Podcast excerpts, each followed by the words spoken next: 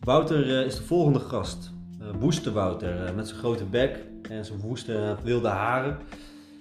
Gevlucht naar Australië en naar een aantal omzwervingen teruggekomen in Den Haag. En ook daar nou, wel wat onrust gekend en verschillende dingen gedaan. Ook een jongen met een klein hartje, lief, houdt van knuffelen en, en van zijn dieren. Kortom, een jongen met een hoop tegenstellingen. En daar gaan we naar op zoek. Welkom, Wouter. Dankjewel, jongens. Net, uh, net aangeschoven. Wouter, uh, hij ruikt, uh, hij ruikt vers. We, voor de luisteraar, we hadden, we hadden om 8 uur afgesproken. Het is, het is inmiddels kwart voor negen. Dus Jorn en ik zitten al aardig in de olie. En, Stinken bijna een beetje. Ja. hij heeft, als, als, een goede, als een goede ster heeft hij, heeft hij ons laten zitten en wachten. En, maar uh, hij heeft een schoon t-shirt aangetrokken en uh, nog even volgens mij uh, langs zijn ouders geweest. Hij ruikt lekker, hij ziet er goed uit. En heb je zin in? Ik heb er heel veel zin in, boys. Zeker. Ja. Goed zo. Um, je was bij je ouders geweest, toch? Nee. Je was bij de ouders van, van Naat geweest. Ah, check. Ik dacht dat jij bij, bij jouw ouders was geweest. Nee, nee, nee, nee. nee. Morgen. Even Morgen. langs. Ja. Fruit brengen. Precies. Ja. Kan je, kan je wat meer vertellen over, uh, over uh, uh, van vroeger en jouw, jouw gezinssituatie thuis in Watering? zeker.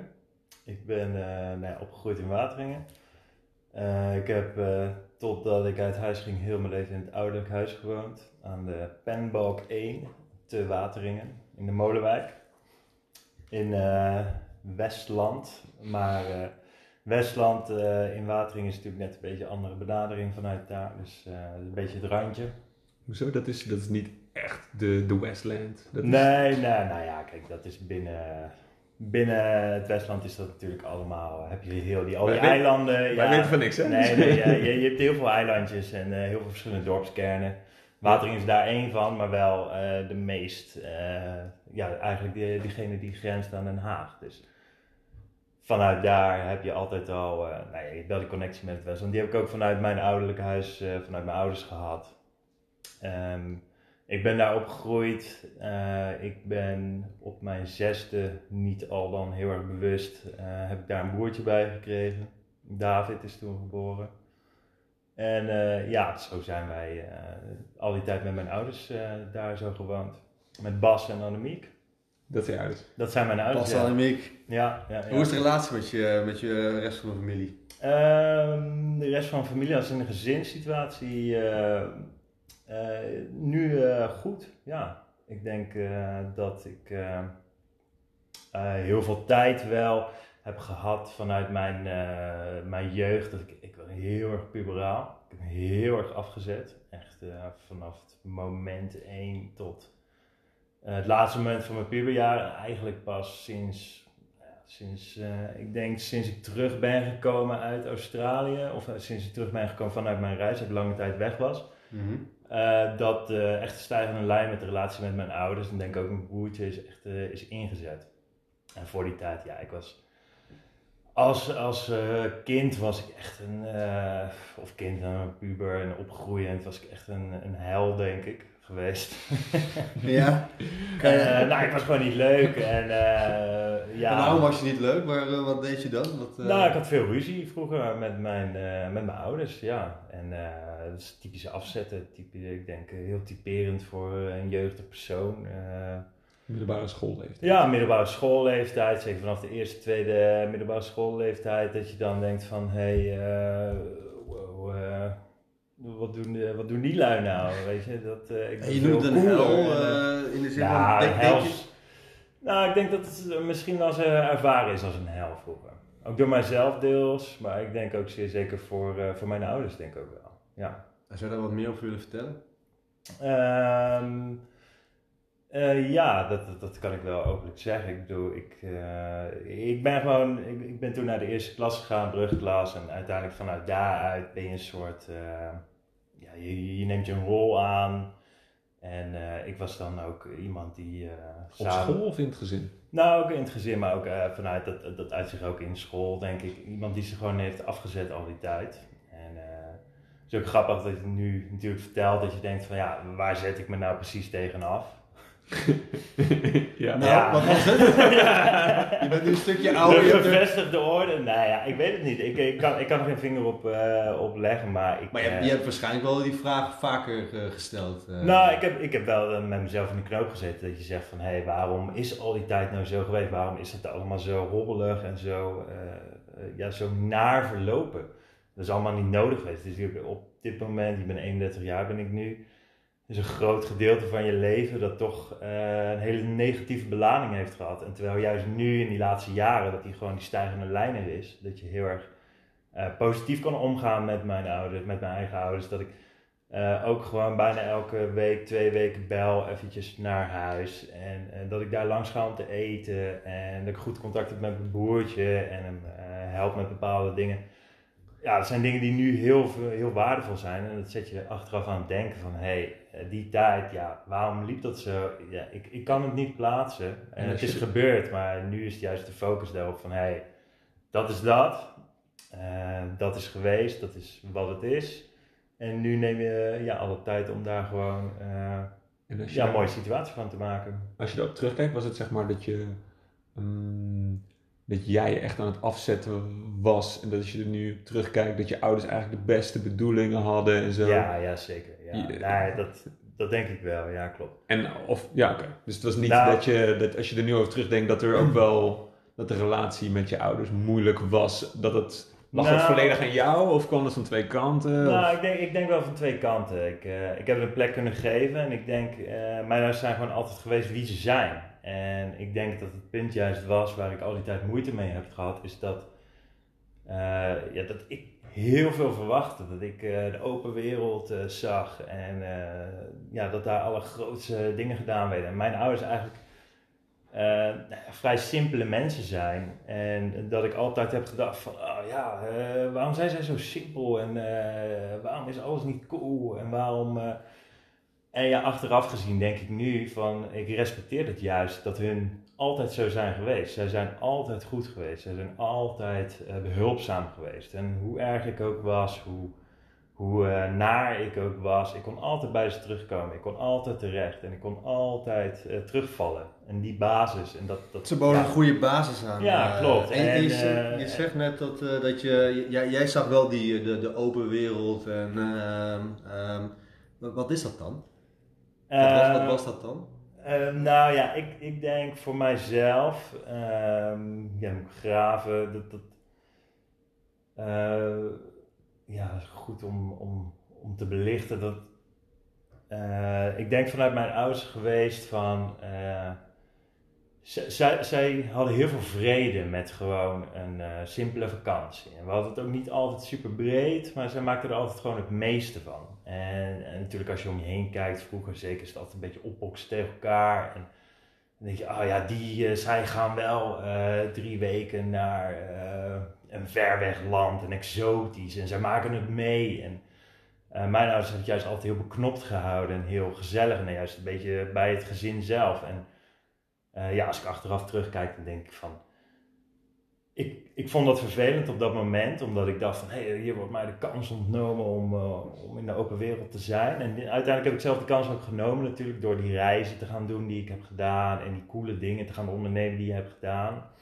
En ja, dat kan ik hen niet kwalijk nemen, dat ik zelf gewoon zo onrustig was, dat je die, al die dingen wilde gaan beleven. En natuurlijk als je films keek of als je bepaalde boeken las of als je bepaalde dingen kreeg je altijd het gevoel dat het avontuur altijd zo ver weg mogelijk was. En dat. En heb je dat- daar ook ten volste heb je dat benut? Ja, je uiteindelijk gereisd. wel, uiteindelijk wel. En dat Ja. is ook voor mij een keerpunt geweest. Dat je aan het eind van dat punt dacht van... Hé, hey, eh, het is allemaal zo slecht niet. En het is allemaal... eh, Ik denk dat we het zo meteen nog over hebben, denk het. Australië. En, eh, en, en, ik, vind het wel boeiend wat je zegt over, want je, je, je, je zet het af tegen dat jij de open wereld zag en je ouders waren vooral meer van het simpele leven. ja. En dat daar de, de, de botsing in zat. Maar in je voorbeeld geef je ook aan, eh, je vergeleek jezelf dan ook met andere gezinnen. Eh, dus waar, Ja. zit, waar zit dan, wat was dan, waar was dan de botsing? Dat jij werd geconfronteerd met, hé, hey, zo kan het ook door te kijken naar de andere gezinnen. Of ehm, zat, het, zat het ook toch wel meer tussen jou en je ouders? Nou, ik, ik denk dat het vooral zat eh, in mijzelf. Als ehm, ja, iemand die toch gewoon vrij eh, moeilijk was in de omgang. En echt, eh, ja, nogmaals, ik kan er echt niet echt per se een vinger op leggen waar het nou vanuit mij precies vandaan kwam. Ehm, maar Puberen. ja, puberen, je, je weet het allemaal niet. En hormonen waarschijnlijk en allerlei zaken die door je heen gaan. En, en daar kwam het voor mij heel erg uit voort. Dat, eh, en het is ook, ja, hoe ik nu het afzetten is natuurlijk heel eh, normaal woord in, dat, eh, in die, op die leeftijd. Maar waar het voor mij echt vandaan kwam, ja, dat kan ik tot op de dag vandaag niet echt neerleggen. Maar ik denk dat het ook gewoon een stukje persoonlijkheid is geweest en die confrontatie opzoeken. En misschien ook vanuit mijn ouders is geweest van, joh, we hebben hier een kind. en hartstikke lieve jongen geweest al die tijd. En nu is die ineens onhandelbaar kreng en verwend kreng. En hoe moeten we hier nou mee aan? En dat heeft misschien ook eh, de situatie ja, verergerd. En dat kan ik natuurlijk hun nooit kwalijk nemen. Want eh, ja, zij hebben gewoon altijd hetgene gedaan wat zij dachten wat het goed was. En dat heeft me tot nu toe ook tot die inzichten geleid van... hé, hey, eh, dit zijn goede eigenschappen in je leven om te hebben. Om gewoon altijd voor iemand klaar te staan. Altijd die basis te, te, te, te bieden. Ja. Maar op dat moment interpreteerde ik dat gewoon... Zie je dat nu wel? Zeg maar dat je voor Ja. jezelf dat nu waarden zijn om na te streven? Ja, dat denk ik wel, zeker. ik denk eh, dat ik mijn ouders nu echt zie als gewoon het voorbeeld van... eh, kijk, bepaalde persoonlijkheden zullen elkaar nooit in vinden. Eh, bijvoorbeeld, ik leid een heel ander leven dan zij. En ik, ik, ik benader dingen heel anders dan zij. Maar dat is denk ik ook logisch van mensen uit een andere generatie. Dus Ja. En een mens van dezelfde generatie gaf aan dat je een broertje had. Die is zeg jij jonger ja. dan jou. zes jaar, ja, klopt. En dat, hoe, hoe was dat in jullie, eh, toen jullie jong waren? Ging dat goed met elkaar? Ehm, nee, niet altijd. Ik, was, eh, ik denk dat zeker dat stukje eh, afzetten en dat stukje puberaliteit zeker ook uit richting hem, richting David zelf. En ja, dat was ook onze leeftijdsverschil is natuurlijk ja, voor gemiddeldes gezien eh, best groot. Zes jaar verschil tussen broertje en eh, broertje is, ehm, nou ja, niet de norm als daar een norm voor is, maar Ja. eh, ik, de- ik denk dat wij nooit echt konden levelen op dat gebied. En zeker ook niet in de staat hoe ik toen was natuurlijk. Want ja, toen ik 12 was en net begon in een hele heftige, hele heftige tijd waarin je Slipknot t-shirts koopt en waarin alles eh, Duister en duister donker. en boos. En eh, ja, dan, dan level je ook niet goed met een jonge persoon die heel anders is en die eigenlijk natuurlijk ook gewoon met hele eigen dingen dealt. Ik bedoel, Ja. ja. Ja. ja, ik weet niet hoe hij dat ervaren heeft op, eh, in zijn eigen opzicht met onze ouders natuurlijk. Heb je het er nooit met hem over gehad? Eh, gedeeltelijk, ja, gedeeltelijk. Ehm, Wat dat- zeg je dan? Ehm, nou, niet we, we, zijn wel eens tot gesprek uitgekomen, inderdaad, van dat we het hebben over onze ouders. En dat ze joh, ehm, ja, en ook natuurlijk weer het kant van mij belicht. En dat ik natuurlijk ook aangeef ja, toen de tijd was alles anders. En nu kunnen we het gesprek heel anders voeren. Nu, eh, ja, respecteer je elkaar gewoon. En ik denk dat ook die, die relatie en dat stukje is ook eh, hetgene wat... eh, kijk, ik denk, mijn ouders komen er wel overheen. Die zijn altijd hetzelfde geweest. En die zijn altijd eh, gedacht van, nou ja... eh, dat, die komt wel weer op zijn pootjes terecht misschien. Onbewust voor mij op dat moment, maar uiteindelijk wel. En ehm, voor mijn broertje is het natuurlijk anders geweest. Die heeft er altijd middenin gezeten. En ja, dat was voor mij dat je 's ochtends aan het schreeuwen bent tegen jou, zijn ruzie en dit. En ja, en ja, die jongen die was eh, misschien acht jaar, negen jaar. Ik heb flauw idee wat er aan de hand Wat de eh. fuck gebeurt hier nou toch Dat is jouw allemaal? probleem. Ja, ja, ja. ja. Wat ja, een en woeste dan- man is mijn grote broer. ja, ja, nou dat denk ik wel. En eh, ook richting hem. Ja, ik ben niet altijd eh, de meest aardige broer geweest, denk ik. En eh, het stukje daarin ook, ja, dat eh, nu neem je die tijd om dat goed te maken. Of, tenminste niet zozeer goed te maken, maar om je gewoon op te stellen van, joh, eh, die tijd is geweest, alle jaren die voor ons liggen. eh ik vind het interessant dat je dat gebruiken. zegt. Dat je, eh, weet je, je, je zegt van het goed te maken. Voel je dat zo? Heb je die emotie? Beetje wel, denk het Ja? wel, ja. ja. Nou, je dat wel. gezegd ook? De, ouders? Ehm, eh, nee, niet in de exacte zin inderdaad. Het is iets wat, nou ja, wat, wat ik nog steeds wel plan eh, te doen, of wat, nou, eh, wat, wat ik verwacht misschien vanuit mezelf, maar ik denk dat hetgene waar, waar- wat er nu gebeurt, zeg maar, die, die band die nu opgebouwd wordt, dat dat misschien in bepaalde, of wat, wat het niet in woorden uitdrukt, maar wat het wel in gevoel uitdrukt, dat je zegt van hé, hey, eh, ja, de- we, gaan nu de goede kant op en we, we maken er wat moois van. Ja, En ook voor elkaar klaarstaan. En, En wat, is de, wat was de leeftijd, ehm, zeg maar dat je, of hoe, hoe lang is het geleden dat je kon levelen met je broertje? Hoe oud waren jullie toen, zeg maar? Hoe lang eh, is de band nu eh, anders? Ehm, ik denk voor mij het grootste keerpunt met de hele gezinssituatie is eh, terugkomst vanuit Australië geweest. Ja. En vooral, nou dat was dan na mijn terugkomst was eigenlijk alles wel redelijk oppervlakkig. Toen nog toch een beetje in die eh naweeën zit van je terugkomst. En je bent natuurlijk weer aan het aarden en dat is een beetje anders. Ik denk vanaf dat moment dat je toch wel enigszins, ehm, ja, eh, enigszins toch gaat werken richting iets beter. En dat het steeds meer op zijn plekje begint te komen. En dat je elkaar dus ook voor bepaalde dingen kan benaderen. En, Ja. En ja. Je, je, hebt, nou, je hebt best wel uitgelegd over wie je was vroeger en ook wat het, wat het dan nu nog wel met je doet. Ehm, eh, zit, zit dat deel van Wouter ook nog soms in jou of, of zit dat ook nog eens aan de oppervlakte? Het eh, gefrustreerde, boze, Ja, monster. gefrustreerde, boze monster. Eh, dat denk ik zeker. Ja, klopt. Ik, ehm, ik heb dat wel eh, steeds meer onder controle. En daar is ook eh, bepaalde dingen natuurlijk heel erg eh, goed voor mij geweest. Dat ik dat plekken heb kunnen geven. En dat ik ook mijn aandacht heb kunnen weerleggen van joh, dat hoeft niet altijd.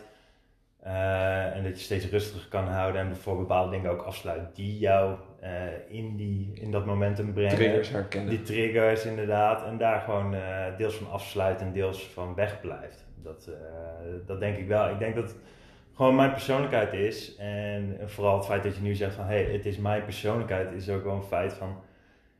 eh, ik heb het een plek gegeven en ik kan ermee dealen. En ik herken het als het opkomt.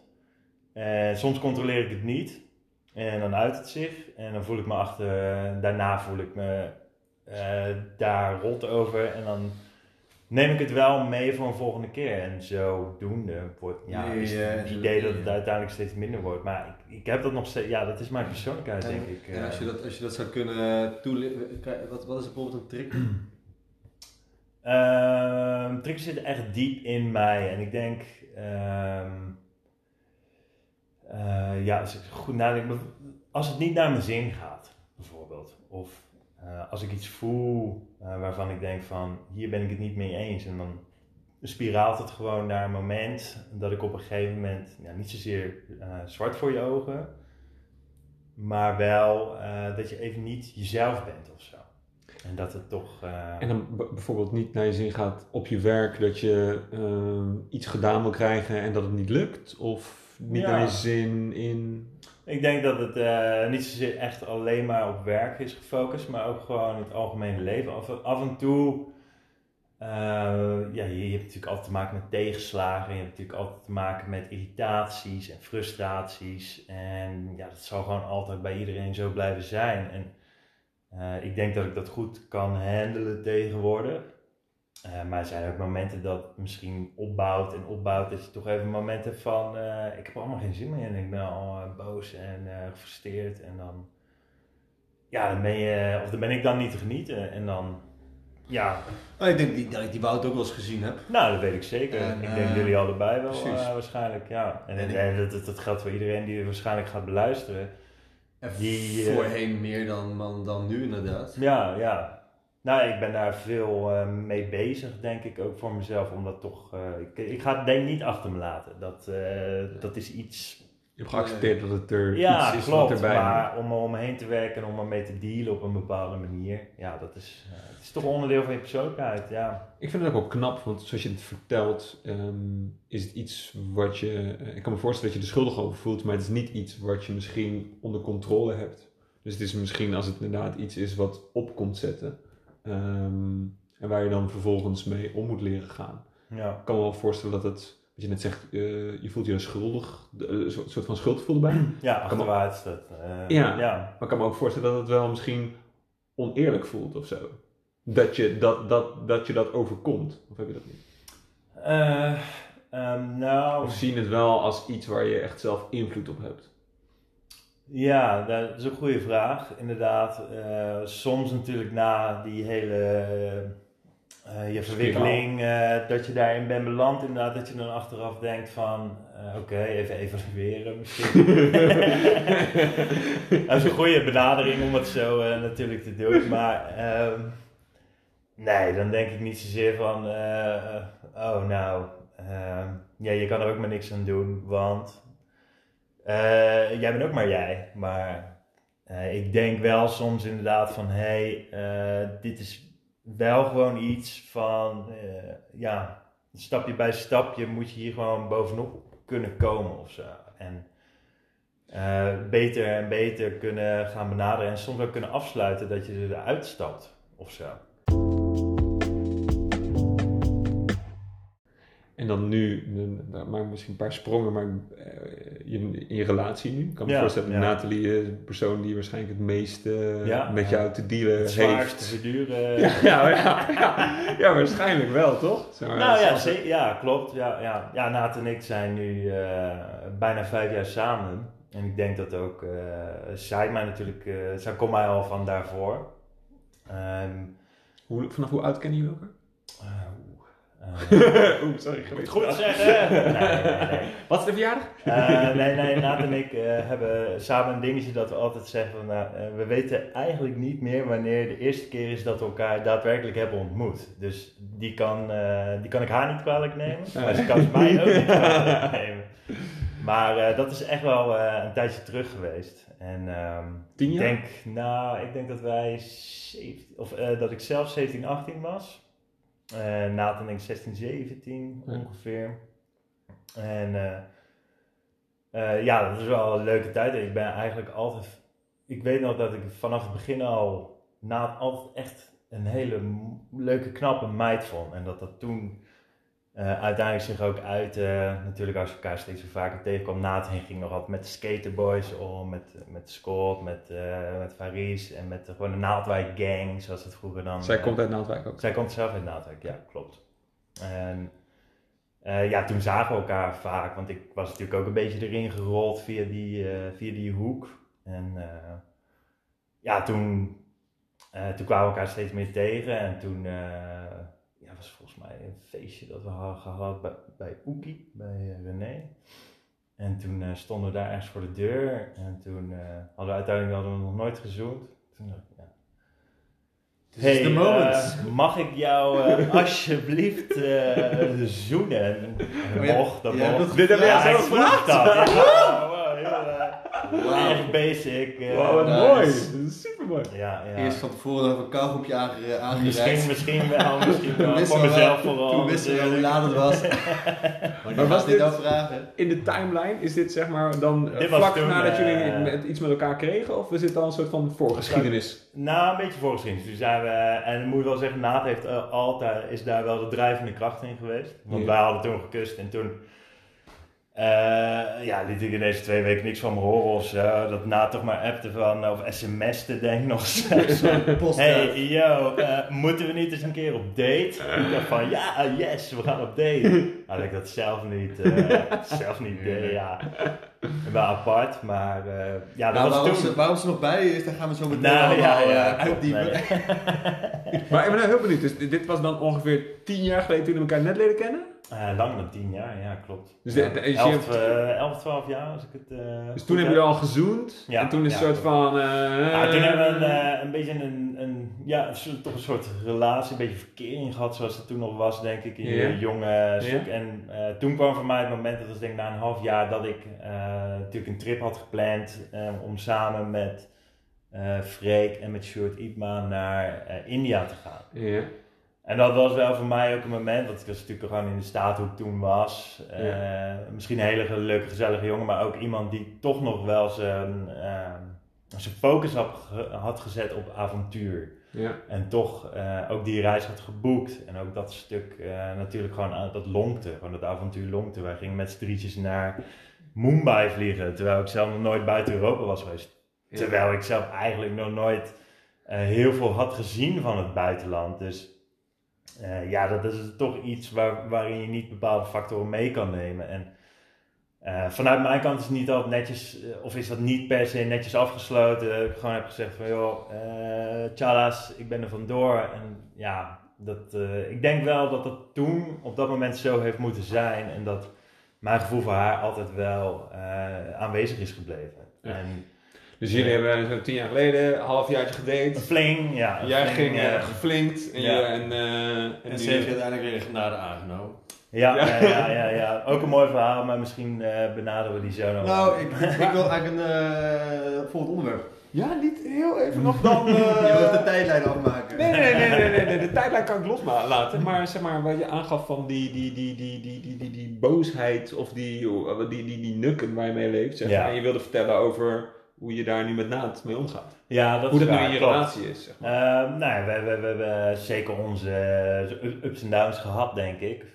Eh, maar ik denk dat de afgelopen jaren, eh, ja, ik denk het grootste gedeelte nu, dat het gewoon echt de goede kant op gaat. En dat ik mezelf kan inhouden en dat ik ehm, ja, gewoon ook probeer eh, de goede man te zijn eigenlijk, ja. Zij herkent ook die, wat die triggers voor jou zijn. Zeg Ja, maar. dat denk ik wel. Ik denk, eh, we benaderen het vanuit misschien het punt van we zitten er samen in. En eh, kijk, we zijn allebei niet perfect en ik al helemaal niet. En, Oh, dat vind ik heel aandoenlijk. Waarom zeg je, je, je zet jezelf er nu eigenlijk dan een soort van... een- een- ik al helemaal niet. Hoe zei jij al helemaal nou niet? ja, kijk, ik heb momenten gehad dat het voor haar, eh, dat ik die grote boze, eh gefrustreerde man was geweest. En dat het voor haar niet per se leuk is geweest. En eh, ja, kijk, zij heeft, er mee, zij heeft er niet om gevraagd, maar zij heeft er wel mee te dealen. En ehm, ja, het is... Het is God, ze kent je al tien jaar en ze is met je. is Dus waar, het is, bedoel, is ja, je moet- uiteindelijk, ehm, uiteindelijk is dat maar ook mijn respect richting haar. Van, zij kijkt daar wel doorheen en zij focust ook op het goede eh, stuk. En daar, put ik het, de kracht uit om gewoon te zeggen: van, Nou ja, weet je, Naat, eh, jij bent voor mij eh, die dame ehm, met, wie we, met wie ik dit ga doen. En dit, dit voelt prettig. Ja. Mooi. En dan moet je op de koop wel opnemen dat ik af en toe eh, heel boos en gefrustreerd ben. Ja. Dus ik moet ergens een handtekening neerzetten. Maar het wordt steeds minder.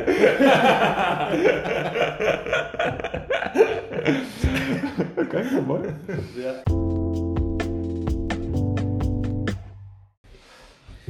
Wat is de reden geweest dat jij. eh, kan, jij ehm, eh, kan jij uitleggen waarom jij naar, eh, naar Australië bent eh, gegaan? Eh, ja. ik denk dat het eh, niet zozeer een echt een bewuste keuze is geweest. Voor mij. Maar wel de goede keuze, maar het is geen bewuste keuze geweest. Die vind ik cryptisch. Mooi hè? Ja. Ga ik uitleggen. Ja, kom maar op. Ehm, eh, toen de tijd, toen kwamen, eh, toen zijn uh, Freek en ik natuurlijk en met Sjoerd Ietma natuurlijk naar India geweest. En eh, ja, we hebben daar wel een groot avontuur beleefd. Groen als gras, ineens in eh, Mumbai aangekomen. Nou, epic avontuur geweest. En toen, ja, we kwamen terug. En ja, toen waren we op het moment van, we gaan werken, want we moeten weer weg.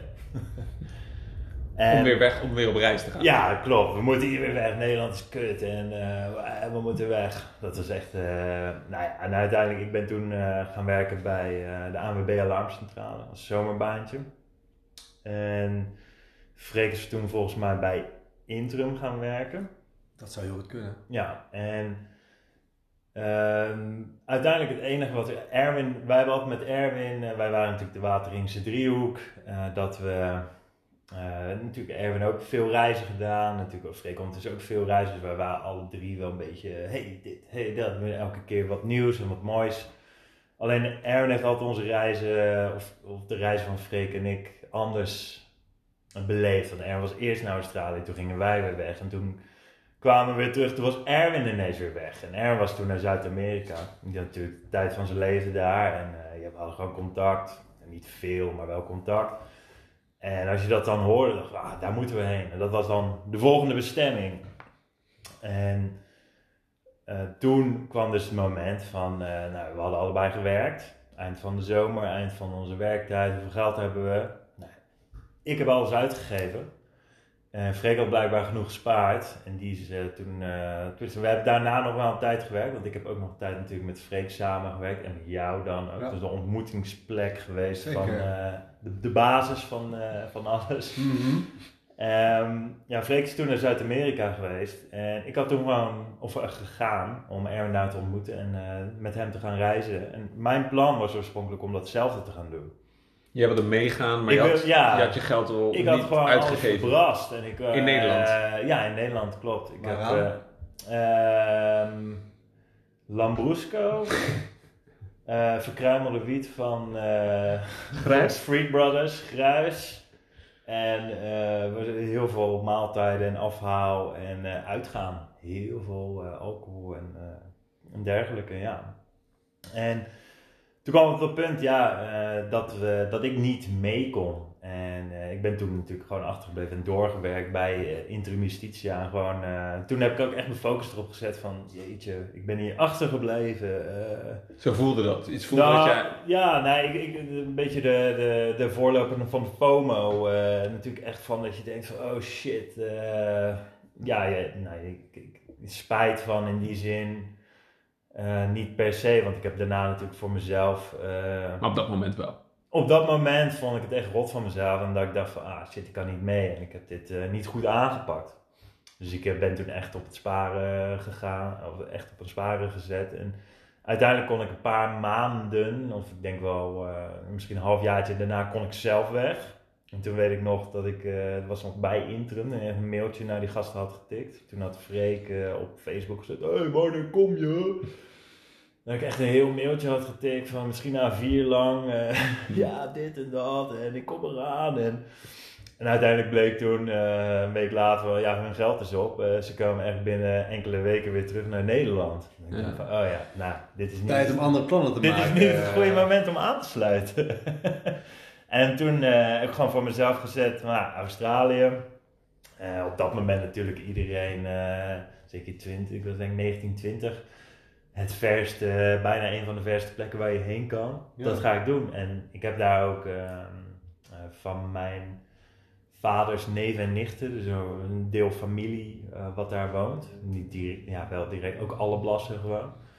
Alleen ik wist op dat moment helemaal niet wat de full extent was van die familie. Dus ik ging daar gewoon heen en ik dacht, ik ga even een bakje doen bij ze en Oh, dan eh, trek mijn eigen plan. En uiteindelijk hebben, ze, hebben die mensen daar mij zo goed opgevangen. Is dat ook de reden geweest? Want, want voor hoe lang zou je naar Australië gaan? Jaar in principe. Oh, dat was het plan, van een jaar, ja. en hoe lang ben je uiteindelijk gebleven? Ik ben denk ik twee jaar. Ik heb, een volle- ik heb twee volledige visa uitgediend. Ja. En daarna ben ik nog ongeveer twee, drie maanden gebleven. En, en wat, wat is de reden geweest dat, dat, dat, dat het verschil tussen jouw plan een jaar en uiteindelijk de realiteit? Wat, wat is daar, als je daar een Eh, reden van ah, moet ik had daar zo verschrikkelijk naar mijn zin. Ik, ehm, ja, ik, ik vond echt dat, eh, dat voelde me voor mij een beetje als thuiskomen, het idee of zo. Oh ja? Nou, ik denk het wel. Hoe, Maar wat dan? Waar blijkt het uit? Wat, wat, is dat dan? ik, eh, nou, zoals ik zei, er is natuurlijk een gedeelte familie die daar, eh, die daar woonde, woont, gewoon nog steeds woont. En ik ben toen daar zo een, twee weken lang heb ik in een hostel gezeten, zeker in Melbourne, gewoon als mijn begin. En toen ben ik eh, opgehaald door wat tantes en ooms daar en die hebben me een beetje laten zien. En toen op een gegeven moment kwam ik bij eh Peter, Peter Alablas. En die eh, gewoon wat, eh, wat oudere, wat oudere, echt een typical Aussie, maar wel Ja. met hele sterke Nederlandse ro- roots. Ehm, Want de Allerblas familie is vanuit Nederland naar Australië vertrokken. eh, de, ehm, eh, mijn opa's broer is na de eh, koninklijke, of na de Kneeloorlog, zeg maar de Indische oorlog, is hij doorgegaan. is die uiteindelijk... eh, een goede keuze. Nou ja, ja. Ik vind het heel heerlijk. ja, volgens eh, nou, hij is denk ik nog wel terug geweest in, naar Nederland, maar hij heeft daarna vrij snel de keuze gemaakt om daarheen te trekken. En gewoon als, eh, als deels ook nou, Gelukzoeker. gelukzoeker, maar gewoon als, als eh, even de horizon verbreden. Jij van. zegt net, je hebt je op zich je geluk daar ook gevonden. Je Hm. gaf aan, ik ging een jaar, ik vond het zo leuk, ik bleef twee jaar. Wa- waarom ben je dan teruggekomen? Eh, visum natuurlijk. Ja, Die dat- liep ja? Nou, ik heb wel eh, sterk overwogen, want ik heb natuurlijk een hele lange periode daar gehad. Ik heb heel veel verschillende dingen gedaan. Heel veel verschillende, eh, ook dingen echt die mij hebben gevormd en dingen die mij ook ehm, tot inzichten hebben geleid en ook over mezelf. Dus Kan, je- kan je er iets over vertellen? nou, ik, ehm, toen ik hier wegging, had ik alleen maar eh, witte macaroni met eh, een beetje ketchup en eh, dingetjes aan de. En daar gewoon alles geleerd, leren eten, leren sociale stukken ook van, hey, ik, ik ben met heel veel mensen, hoe uit ik me hier sociaal en hoe ben ik gezellig en het ging me allemaal heel goed af daar. En ik zat daar heel goed in mijn vel en het heeft me heel veel geholpen. Ook vanuit het oogpunt natuurlijk dat ik vroeger dat stukje avontuur altijd opzocht. En ik dacht van daar heb ik het echt gevonden en dit, dit, dit ben Dat ik. maakt het verschil, dat En avontuur. eh, ja, hier hoef ik geen jas aan. En eh, hier kan ik mijn schoenen hoef ik niet altijd aan. En, nou, dat waren voor mij hele, hele mooie dingen. En eh, natuur ook, wat daarin heeft meegespeeld. En, heel veel dingen vielen gewoon op, op zijn plek daar. En ik denk ook de, hoe ik werd opgevangen daar. Mhm. Zeker ook door, door Pieter Ellebles, natuurlijk, ik zeg net zijn naam, maar die man, eh, ja, echt een epic rouwdouwer. Gewoon een eh 60-jarige gast eh, die...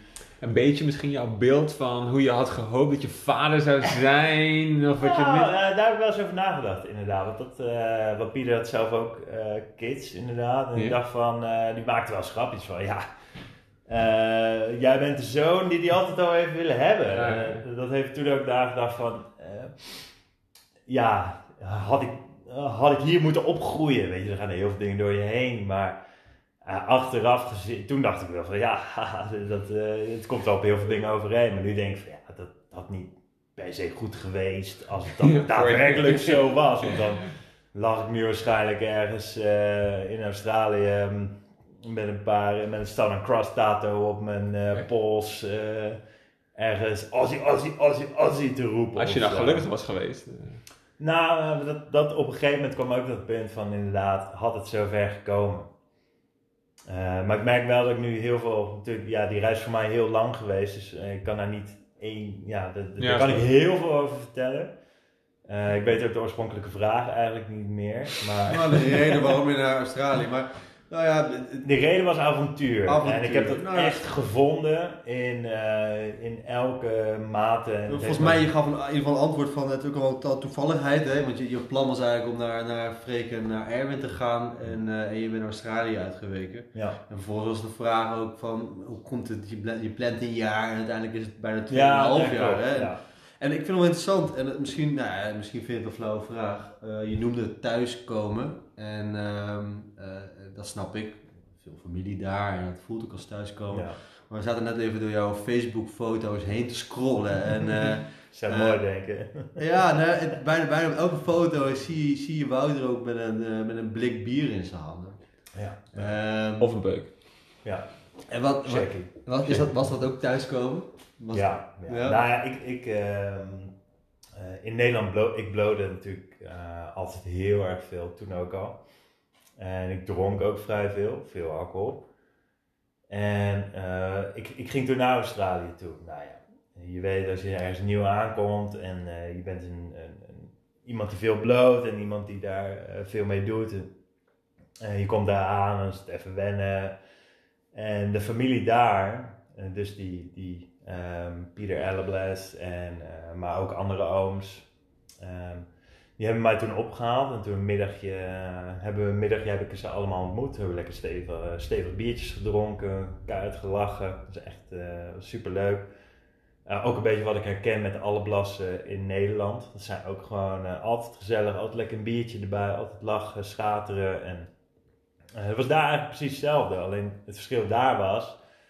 eh, ja, je hebt natuurlijk te maken met mannen die ouder zijn dan 50. Dus ja, je verwacht niet zozeer van, hé, hey, ehm, ja, ze drinken natuurlijk ook wel. Maar op dat moment eh, kreeg ik aan het eind van die eh, sessie, gewoon die ontmoeting, kreeg een klein zakje in mijn handen geduwd met een eh, klein bolletje wiet erin. Dus ja, Van je oom. van een van die ooms. En die zei, ja, ja we wisten niet zeker of we dit wel zo openlijk moesten doen. En anders zetten we onszelf hier te kijken. En toen dacht ik echt van, nou, hey. ik ben thuis. ja, nou ja, eh, waarom hebben jullie dit verborgen gehouden? Ja. Weet je, let's get it on. Maar eh je had heel voorzichtig benaderd. Maar eigenlijk, eh, daar was het best een, ook een, een groot deel van hun eh, cultuur of van hun leven geweest. En ook diezelfde Peter Ellebles, die zei toen ook, hij zei echt exact van, what the fuck are you staying in a hostel for in the city? Uh, I've got a room. En ehm, ik had daar ook een heel eh, groen natuurlijk, oh yeah, I'm looking for a job. And I'm, eh, hij zei, ja, ehm, eh, heb je... Heb je wel eens in de industrie gewerkt? Heb je eens... Ik zei, nou, nee, maar eh, joh, ik, eh, doe het allemaal. En, eh, Ja. en hij zei toen, oké, ehm, zaterdagmiddag om eh, twee uur moet je bij deze en deze kroeg zijn.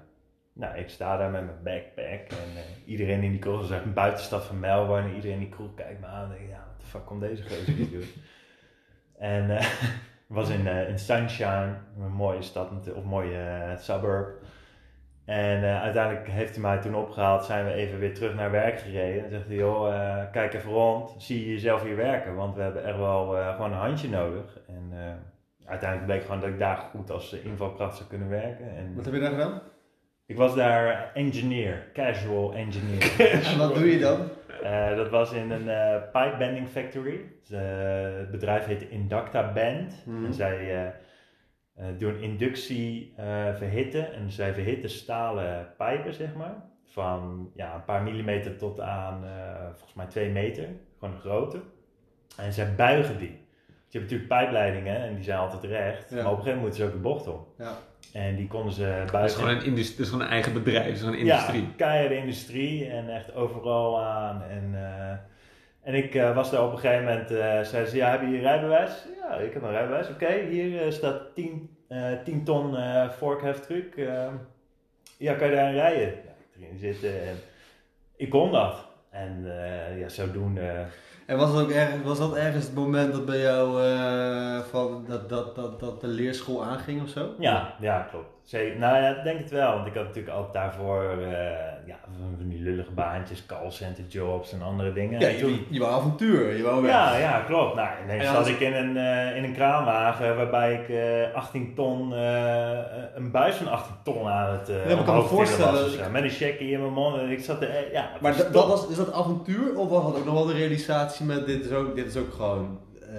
Nee, het was, het was echt avontuur en geld. Want eh, dat was het mooie wat zij mij boden daar. Eh, het avontuur was dat diezelfde Pieter Ellerbes gewoon eh, inderdaad 's ochtends wakker werd. En om vijf uur 's ochtends baan aanstak.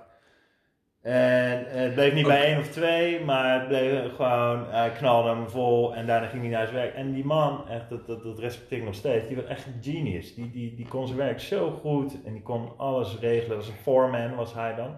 Ergens ook wel misschien een soort van een, eh, een, droombeeld, een ideaalbeeld van, een, eh, van iemand die eh nou, begin twintig is ja, en denkt van nou, wat, wat, wat wil ik met mijn leven? Ik kan ochtends wakker worden, er wordt wake and bake. Ik ga Ja. een beetje werken en dan daarna Ik- ga ik een beetje ik, barbecuen. Ik heb, mezelf, ik heb mezelf zeker betrapt op die gedachte van, oké, als stoner kan je dus toch wel gewoon die dingen gaan doen of zo. En natuurlijk is dat niet houdbaar geweest in mijn situatie verder, maar ehm, ik, Maar is in het begin kan ik me voorstellen dat het Ja. zo'n romantisch beeld is waarvan je Klopt, dan, klopt. eh, Maar ik heb, ik heb daar zo'n super tijd gehad. Dat ik, ik was daar welkom. Ik kreeg een baan. Ik mocht daar for free eh, mocht ik daar blijven slapen. En Pieter eh, had, heeft een dochter, dus Ivan.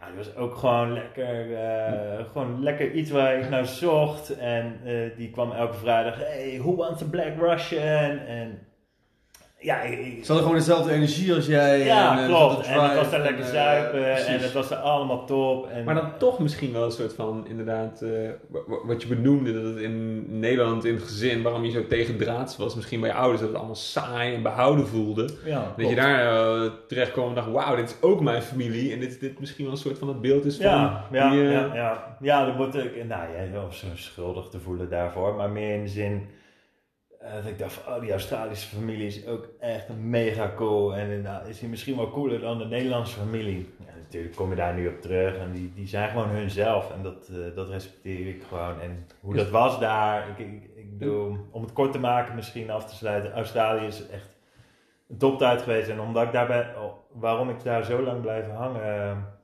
is denk ik de reden dat ik, het is mij zo goed afgegaan allemaal elke keer kon ik overal een goede baan vinden. Elke keer had ik hele leuke mensen om me heen. Elke keer. Ik ga wel even, ik ga wel even inbreken, want ik, um, uh, je zei het ook al afsluiten en, uh, en uh, het is allemaal van goed naar goed gegaan. Hmm. Je hebt ook eens tegen mij gezegd dat je echt wel rock bottom hebt gehit in Australië. Dat is waar, klopt.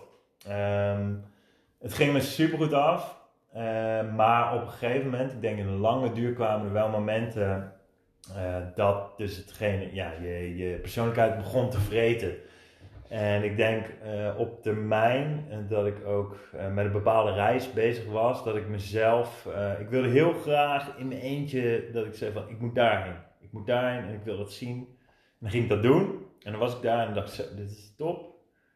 En dan was de keerzijde van hey, ik zit hier in mijn eentje, eenzaam en, dan, dan komt toch het stukje terug van hé, hey, um, ja, bepaalde gedachten komen terug dat je denkt van hé, hey, ja, waar ben ik nou mee bezig? Of uh, is dit het nou? En uh, waar ga ik dit ooit nog vinden? En, uh... Dus aan de ene kant heel erg op zoek, steeds de dingen aan het achtervolgen die je wilde zien. En op het moment dat je er dan kwam, dan de realisatie van, ja, wat, nu ben ik hier alleen. En, Ja, een beetje, een beetje misschien de calm down inderdaad. Als je denkt van, alles top, hey, dit is cool, dit heb ik gezien. en dan kom je natuurlijk in die, je, bent in, je hebt in die high gezeten, in die extase, maar op een gegeven moment neemt die af en dan zit je daar en dan denk je, ja. Ik kan me voorstellen dat je dan op een gegeven moment jezelf de hele tijd een soort van een, een vis voorhoudt en denkt van, nou, als ik daarheen ga, dan, dan wordt het echt leuk. Ja. En dan na drie keer kom je erachter van, nou, dat is eigenlijk toch niet waar ik gelukkig van word. Ja, klopt.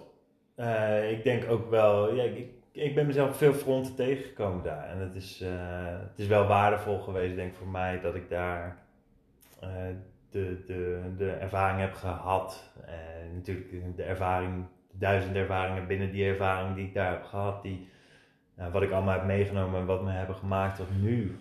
Ik vind het nog wel een beetje abstract hoor, want ik snap, uh, ik snap, ik snap wat je uitlegt. Uh, maar hoe, wat, wat, hoe kom je jezelf dan tegen? Wat is dat zo'n moment dan? Uh, wat, nou, wat? ik denk, um, zoals ze zei, kijk op elke foto of op elke tweede, derde foto sta ik wel met een peukje en een biertje in mijn hand. En dat is natuurlijk de good life. Natuurlijk. Je, je, je, chillt om gewoon hard. En er was altijd wel ruimte voor wat lekkers en wat leuks. En, maar op de momenten dat dat bijvoorbeeld niet was, dan. en ik denk ook voor mij in de uiteindelijk ben ik natuurlijk teruggekomen na een bepaalde tijd. En zeker in het eerste jaar was het super. We echt een, de tendens ging kaart omhoog. Alles was top. En in het tweede jaar ging nog een stukje verder. Ook kleine terugvalletjes dat, je, dat ik die momenten had inderdaad. Dat je daar toch een beetje eenzaam was. En ik ben... Um, uiteindelijk heeft het denk ik ook geleid van... of het heeft niet zozeer geleid tot het moment dat ik terug naar huis ging. Want dat was puur en alleen omdat mijn paspoort verliep. De, datum. Dus ik moest hem vernieuwen. Mm. Uh, ja. Wel een topmoment om uh, eventjes 2,5 week naar huis te gaan. Dat is ook uh, een leuke tijd of een leuk moment toen geweest. Want je bent terug naar huis gekomen en toen ben je weer teruggegaan? Ja, ja klopt. Ik had echt, ik heb 2,5 week naar huis of naar Nederland geboekt toen. Ja. Omdat mijn paspoort verliep, omdat ik die moest vernieuwen. En toen, nadat je daar twee jaar was geweest? Ja, klopt. Ja. Dat was net, ongeveer net voor het einde. En daarna ben ik inderdaad weer teruggegaan. Om gewoon nog verder, ja, verder dingen te gaan doen verder dingen te beleven, zeg maar. En, en met een nieuwe paspoort ben je toen nog twee maanden daar geweest? Twee, drie ja, maanden. klopt. Ik heb toen een uh, touristvisum afgesloten. En daarbij ben ik weer teruggekomen. En dat was maar voor drie maanden volgens mij. Toen ben ik volgens mij twee maandjes ongeveer daar nog rondgebanjerd. ook nog een stukje gewoon lekker gereisd en dingen gedaan die ik nog had willen doen, zeg maar. Naar de westkust geweest Met die toeristische dingen, nog mooi Ja, afsluiten ja, met, het oog op, met het oog op, Ja. van ik ga weer terug. mensen opgezocht en eh, nou, West Coast gezeten, mooie, mooie plekken gezien. En eh, toen eh, heb ik al, had ik al volgens mij een reis geboekt naar Indonesië om gewoon weer verder te gaan. En alles stond ook al vast om daarna naar Nieuw-Zeeland te gaan. Ja. Want ook, ik, ik was toen denk ik heel erg ook bezig van, ik ben hier nu, alles bevalt me zo verschrikkelijk goed. Ik wil hier ook blijven. Want ik wilde eigenlijk oorspronkelijk niet terug. Ik, eh, ja, op dat moment was de heimwee, sloeg toe. Maar ik kon me daar wel overheen zetten dat ik dacht van nee, nee, nee, eh, dit, dit gaan we doen, dit gaan we regelen. Ja. Want toen ik in de oesters werkte bijvoorbeeld, en dat ik dacht, ik moet hier blijven, ik wil hier blijven zijn, ik wil dit, ik wil, eh, ik wil dit leven. Je komt, je komt terug en, ehm, en dan sta je opeens in, eh, in Scheveningen in, eh, in de vishal. Ja, allemaal aan mezelf te danken. Dat klinkt negatief. Ja, waarom zeg je dat? Nou, nou niet zozeer. Tuurlijk, dat heb ik zelf. eh, ik, ehm, om die context nou even te geven. Ik ben eh, in het laatste half jaar ongeveer, heb ik daar in, de, in Australië, het laatste half jaar in Australië, heb ik daar in de oesters gewerkt. En dat was in een afgelegen dorp in eh South Australia, in de staat daar. En daar heb ik, eh, eh, ja, het is ongeveer een half jaar gezeten. En ik, ik vond het zo gaaf. Dat was voor mij echt het gevoel van, dit is wat ik wil doen of zo. Ik wilde Qua echt overwegen. Ja, klopt. Ik wilde echt overwegen om daar te blijven. En dat leek mij een goede stap om een, binnen Australië te kunnen blijven. En ik werkte daar keihard. Ik verdiende daar heel veel geld. En ik eh, vond het hartstikke leuk in, die, in dat dorpje waar ik zat. Ik speelde daar zelfs mee in het eh, lokale Australian football elftal. En Wat ik, goed. eh, ik was echt graag geziene gast in de, Je was in de kroeg. Je was aan, precies, je was aan het bouwen aan je, aan je Ja. netwerk, aan je toekomst, aan je sociale ja, omgeving. ik gaf zoveel geld uit daar. Iedereen vond me helemaal. Nou, ik had een goede band met de mensen daar. Leuk. Het was echt leuk. En Ja. het was echt eh, de mensen die ook eh, van wie die farm, eh, de Oyster Farm was. En ja, je, je moet ook nadenken van mezelf. Ik kom daar en ik heb daar voor het eerst op die boot gestaan. En ze zeiden voor de grap van ja, ga even mee een stukje varen. Kan je kijken of het wat voor je is. En ik kreeg twee oesters. En nou, ik kotste ze bijna uit over de reling. En in de vergelijking tot eh, dat ik een half jaar later wegging, dat ik echt eh, voor 7 uur s ochtends misschien wel 10 tot 20 oesters op had, zeg maar. Eh, En ja, dat, dat, dat stuk, die vis, dat ik dacht van, hé, hey, dit is cool, vis. En toen dacht ik, ik wil hier blijven, dit, dit wil ik proberen. En uiteindelijk kon dat niet, omdat ja, voor de Australische overheid, voor de Australische economie moet jij wat toevoegen. Dus jij moet een, eh, een diploma meenemen van eh, ja, minimaal een beetje vergelijkbaar HBO-niveau. Eh, dat jij daar... geen low-level Nee, immigranten naar binnen. Niet zomaar iedereen die, die het leuk vindt om daar te blijven, die, die mag daar blijven. En dat had ik niet. Dat heb ik natuurlijk nooit afgemaakt. Dus ik kon daar niet blijven, maar er was wel een soort nou, niet een clausule dat je dus eh, als jij een x aantal maanden, jaren ervaring had in een bepaalde branche, in een bepaalde eh, sector, dat zij dus die overweging konden maken dat jij daar kon blijven. Ik had natuurlijk daar al bijna zes maanden gehad in de oesters. En toen dacht ik, ga naar Nieuw-Zeeland, want daar hebben ze eh, oesters, daar hebben ze mosselen, daar hebben ze ook een grote seafood industrie. En ik ga wel nog eerst even vakantie nemen, dus ik ben nog tijd in Sumatra gezeten.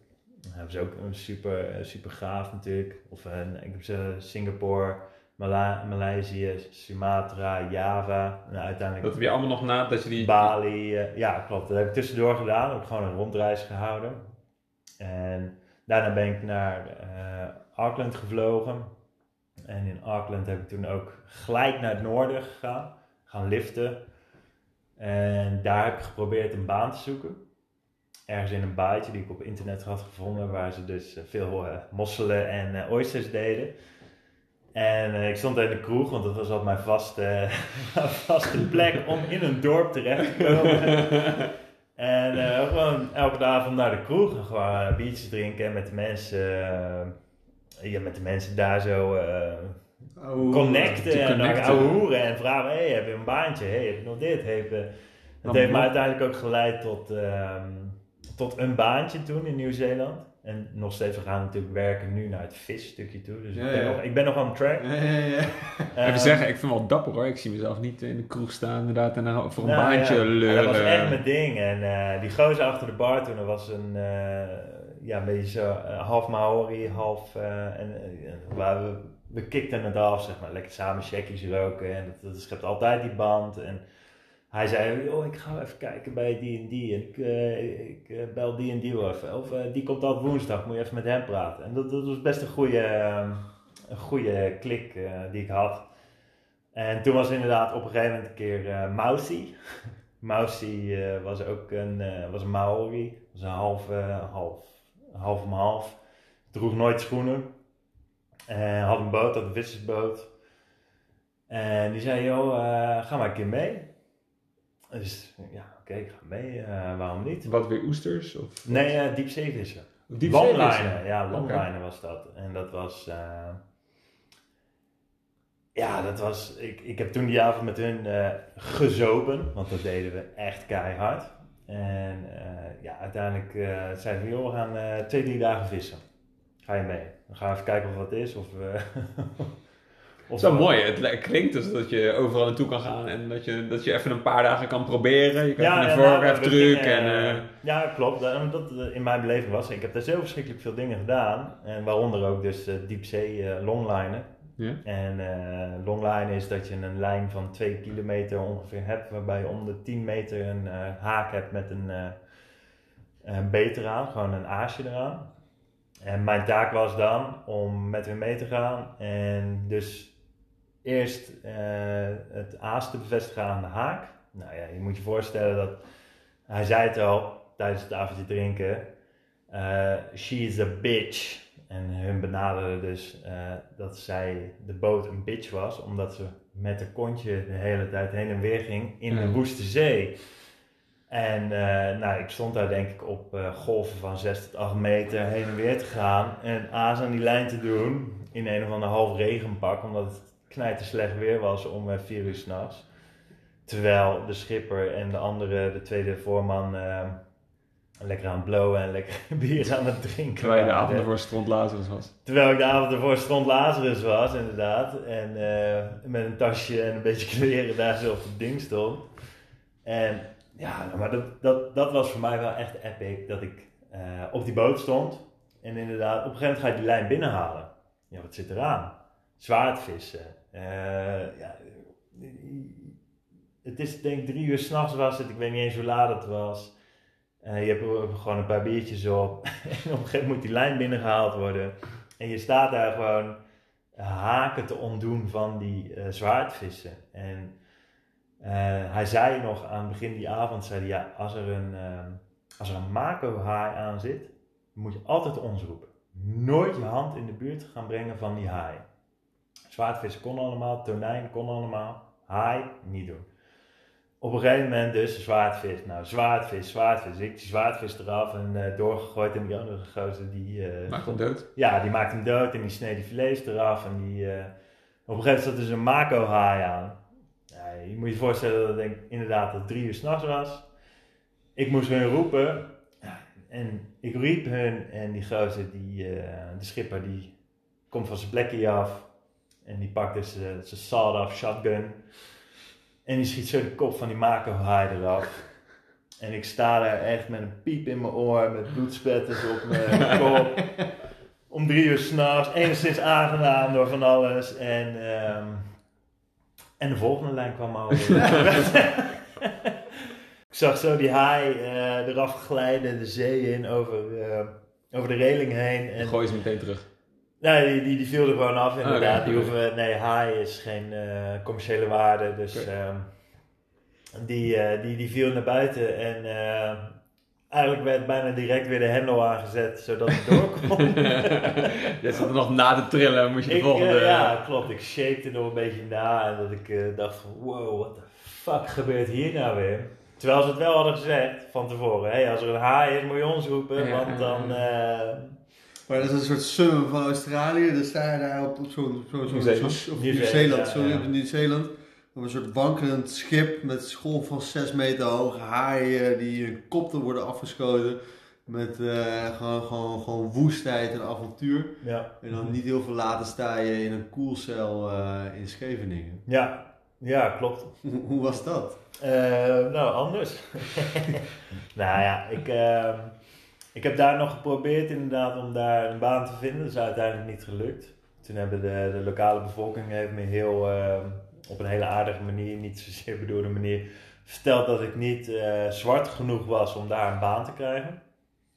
En Want de Maori, vanuit de Maori Ja, gemeenschap. Ja, ja de, de Maori hebben daar eh, grotendeels de, de, beetje de visbedrijven in handen. En dat is gewoon hun, eh, hun industrie. En eh, nou ja, kijk, dat is iets waar je gewoon op dat moment, eh, waar ik ook niet zozeer aanstalt op nam van, eh, oh, ik ben... eh, ik, ik ging gewoon door. En dat was gewoon op dat moment... Lastig om tussen te komen. En je moest Ja. weg. En je moest weg. En je kwam in Nederland aan. En je bent, en je bent goed opgevangen Ja. door iedereen. Kreeg Ja. volgens mij een plekje bij eh, Erwin eh, en Freek hè, in de hoek.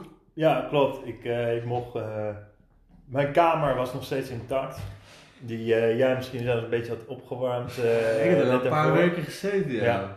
Maar het- even terug de vraag. Dan sta je, dan sta je daar in die koelcel met, met Sean en Sjaak en, en, Joop. En, en je vrienden zijn, en je vrienden zijn ook weer verder gegaan. En, en wat, wat doet dat met een mens? Ehm, nou, nou, op dat moment deed het nog niet zoveel. Ik, eh, toen ik terugkwam zelf, toen was het eh, natuurlijk nog een beetje lang leven de lol. En eh, het was allemaal gaaf. En we gingen, ik ging nog naar de Ardennen eerst. En we gingen nog naar, ik ging nog naar de bruiloft in Rusland. En dat was heel veel lang leven de lol. Maar uiteindelijk inderdaad kwam wel het besef van... Hey, ik werk hier. Eh, de shine van eh diepzeevis en de shine van oestervangen of oesterfarming en de shine van dit is hier niet. Ik werk hier eigenlijk in een ruimte waar geen zonlicht binnenkomt. Ik werk hier ook in een best eh, extreme ruimte tussen eh, ja, Duindorp en Scheveningers. Wat gewoon een ras is. Ja, dat, eh, daar kan je gebruikshandleiding over schrijven. Maar dat, dat zou je alsnog moeite mee hebben om daarmee Een bepaald slagvol. en een heel bepaald slag volk, inderdaad. En ja, ik stond daar. En ja, ook binnen twee weken nadat ik daar was begonnen, kwam, ehm, eh, ja, kwam, kwam de, de jongen waar ik onder kwam te werken, zeg maar. eh, ja, die zei me geen gedag die ochtend. Eh, het bleek dus later dat hij dus al eh, maandenlang eigenlijk eh, van het bedrijf stal door eh, pallets eh, garnalen in de achterkant van de bedrijfsbus te gooien en die op eigen houtje te gaan afleveren. Lucratief. Heel lucratief, zeker. Daar heb je heel veel geld aan verdiend, denk ik. Maar eh, ja, ineens was ik gebombardeerd daar tot, eh, tot de, de, de inpakmanager. Want hij werd ontslagen. Ja, hij En, werd en jij was net vers binnen, maar ze dachten deze jongen heeft potentie. We Ja, geven hem klopt. de... Ik was wel eh, dusdanig ingewerkt en ik begreep het hele dingetje wel. Ja, dat was ook vrij simpel natuurlijk, maar eh, ehm, ja, ik vulde dat gewoon in en ik, eh, ik was denk ik op dat moment ook, ja, als ik een beetje om je heen kijk achteraf, toch wel de beste kandidaat om dat op te vullen. En eh, ja, ik een tijdje gedaan en eh, toch een beetje je draai gevonden daar, want het is nieuw. En eh, op dat moment was het ook leuk hoor. Het was voor mij ook nieuw en interessant. En natuurlijk veel vissen gezien in Australië, maar ook hier heb je een ander soort vis. Dus, Dat is wel een beetje de... de, de, Noordelijk de- halfrond. het, Dus- Ja, het summum ook van, van een verhaal dat je een soort van... In Australië de liefde misschien voor vissen gevonden hebt. En daar Ja. verschillende type visserijen. En nu terug dan in Nederland ook duidelijk een doel voor ogen van... Ik wil wel graag in een, in een visindustrie werken. Ja, ja. En toen twee jaar gewerkt, toch? Op de vis, eh op vissenvlot? Eh, uiteindelijk inderdaad iets langer dan twee jaar. Ehm, tussentijds is dan inderdaad een mooie eh, kans mij geboden, omdat ik ja, toch ja, niet, niet helemaal daarin paste. En toch wel merkte van, hé, hey, ehm, ja, deze jongen kan misschien wat meer. En eh, we hebben nu een kwaliteitsmanager eh, waar die veel mee optrekt, waar die eh, dus ook wel een beetje kneepjesland vak eh, heeft geleerd en waar die een beetje in is eh, terechtgekomen. En zijn contract werd niet verlengd van de manager, de kwaliteitsmanager die daar zat. Mhm. Dus ja, zij vroegen eigenlijk aan mij van ja, hoe zou je het vinden om dat stukje over te nemen? En eh, nog wel deels actief te blijven in hetgene wat ik deed. Maar eh, ja, en ik zei natuurlijk volmondig ja, want ik vond het ook daadwerkelijk leuk. Ik vond het een interessante wending die ik, eh, die ik kon gaan aannemen. En ik had ook veel geleerd van die man die er toen zat. En die man was ook eigenlijk heel erg goed naar mij toe dat hij zei... Ja, eh, mijn contract wordt niet verlengd. Eh, ze willen jou neer gaan zetten. Eh, laten we de komende paar maanden nemen om gewoon eh, alles aan je over te dragen. Netjes. En eh, ja, dat was echt top van hem. Een aardige gast ook, eh Venom. En zodoende ben ik daar echt ja, volledig ingerold. Maar ik ga het gewoon vast voortmaken, want eh, ik snap dat het allemaal nieuw is en leuk is. En je hebt je, je kans gehad en veel geleerd. Maar uiteindelijk kom je toch nog weer op het punt aan dat je daar heel ontevreden was. Ja, En als ja. je dan het vergelijkt met eh, een soort, soort summer moment op zo'n boot. eh, hè, met, met, met die bloespetters op je hoofd van zo'n haai eh, die kapot geschoten wordt. Was je nog wel trots op jezelf dan op dat moment? Ehm, nou, dat, dat, dat begon, ik denk dat dat moment dat mij dat werd gevraagd voor mij weer juist een, een spike was van hé, hey, ik ga er toch het meeste van maken. Want ik heb niet altijd daar natuurlijk volledig op mijn plek gezeten. Eh, en dat moment dat ik die nieuwe kans kreeg, dacht van hé, hey, ik moet dit aangrijpen. Dit is eh, ja, toch wat mij nu geboden wordt. Ook het stukje van hé, hey, je bent weer in Nederland. Eh, de mensen om, of eh, je vrienden om je heen zijn natuurlijk, hebben niet stilgezeten al die jaren. Eh, je wilt toch je richting hebben en je wil je, je, je- jezelf gaan verder ontplooien en je wil verder gaan. En eh, ja, daarna eh, was het natuurlijk gewoon een, een, een periode dat ik dacht van hé, hey, ik mag wat doen, ik ben wat aan het doen, ik werk ergens aan. Ik mocht, eh, ik, ik mocht de studie uitkiezen en ik mocht... eh, Je mag de studie uitkiezen om qu- quality manager. Ja, klopt. Ik mocht eh, een studie uitkiezen. QA. En toen heb ik echt wat lucraaks gekozen, wat verschrikkelijk veel geld kostte. En eigenlijk helemaal niet aansloot op hetgene wat ik moest gaan doen. Misschien in grote lijnen wel, maar Niet qua op dat moment nee, niet, eh, totaal niet eh, voeds- op, op het gebied van voedselveiligheid. Uiteindelijk wel eh, veel van meegekregen, veel goede, goede dingen uit kunnen halen, maar op dat moment eh, was het een- short high dat ik dacht van hé, hey, dit is top. Eh, toen op een gegeven moment begon het me tegen te werken, want ik kreeg toch niet de ruimte die me was beloofd. En ik eh, liep ook tegen ethische dingen aan, dat, eh, ja, dingen met voedselonveilige zaken, wat dus eigenlijk mijn verantwoordelijkheid was, eh, waarin Zoals? ik toch werd overruled. Eh, nou, eh, dat, eh, er was een case dat er, eh, ja, je, je zet eh, analyses in eh, waarin je je voedselveiligheid moet borgen natuurlijk. En daar kwam op een gegeven moment uit dat een partij eh zeewiersalade was besmet met eh, de bacterie Listeria. En eigenlijk gewoon een voedselveiligheidsissue. Terwijl er vanuit het bedrijf werd gestuurd van joh, eh, we zetten een sample van de andere batch in en dan is die waarschijnlijk goed en dan kunnen we deze ook verkopen. En dat mij toch achter de oren begon te krabben van, "Mm, ja, maar dit, dit klopt helemaal niet. En dit is, Eigenlijk bijna een soort van fraude werd van jou gevraagd eh, binnen Ja, je ja, eigen klopt. eh, verantwoordelijkheid. eh. er werd, eh, nou, in theorie, of eigenlijk werd gewoon gezegd van, joh, kijk even de andere kant op. En we vinden het belangrijk om hier nog een paar honderd euro aan te verdienen dan dat we het weggooien. en dan dat Met een inachtneming dat je daardoor bewust dingen op de markt brengt die, eh, ja, waardoor mensen natuurlijk kunnen overlijden. Of wat, eh, ja, dat is een extreme geval, maar het is wel gewoon een mogelijkheid. er zijn En dat soort dingen, ja klopt, er Ja. zijn hele strenge regels voor natuurlijk, voedselveiligheid. En dat soort dingen begonnen me op een gegeven moment tegen te werken, waardoor ook mijn trots en mijn, mijn idee en mijn momentum die ik had vanuit dat mooie stuk, dat ik dacht van hé, hey, eh, dit vind ik mooi, dat begon me tegen te werken. En dat heeft uiteindelijk geleid tot het moment dat ik ehm, daar op een ochtend aankwam. En nou, gewoon de frustratie die het heeft geleid. En natuurlijk ook eh, wat je meeneemt en waar je thuis over praat met, eh, met Naat ook, die me daarin heeft gesteund. heel erg. En die dat ook allemaal heeft moeten meemaken natuurlijk. Ehm, dat op een gegeven moment voor mij het moment kwam dat de maat vol was. En dat ik daar naar binnen stapte en met mijn klokkaart in de hand stond. En dat ik op het punt stond hem voor de meter te houden. Maar dat ik eigenlijk terugtrok en zei van, joh, not today. En eh, ik liep toen naar de manager toe, of naar de, de, de baas van het bedrijf, zeg maar. En ik zei, joh, het spijt me verschrikkelijk, maar ik kan dit gewoon niet meer aan op deze manier. En ehm, ja, ik, eh, ik stop ermee. Ik, uh, ik wil graag ontslag nemen. Heftig. Ja, en dat, ja, dat was heel heftig, maar dat was echt het moment wat ertoe heeft geleid, of alles wat ertoe heeft geleid, dat ik op, een gegeven- op een gegeven moment dat, eh, die beslissing nam, dat ik dacht van ja, het kan niet meer door voor, voor mij.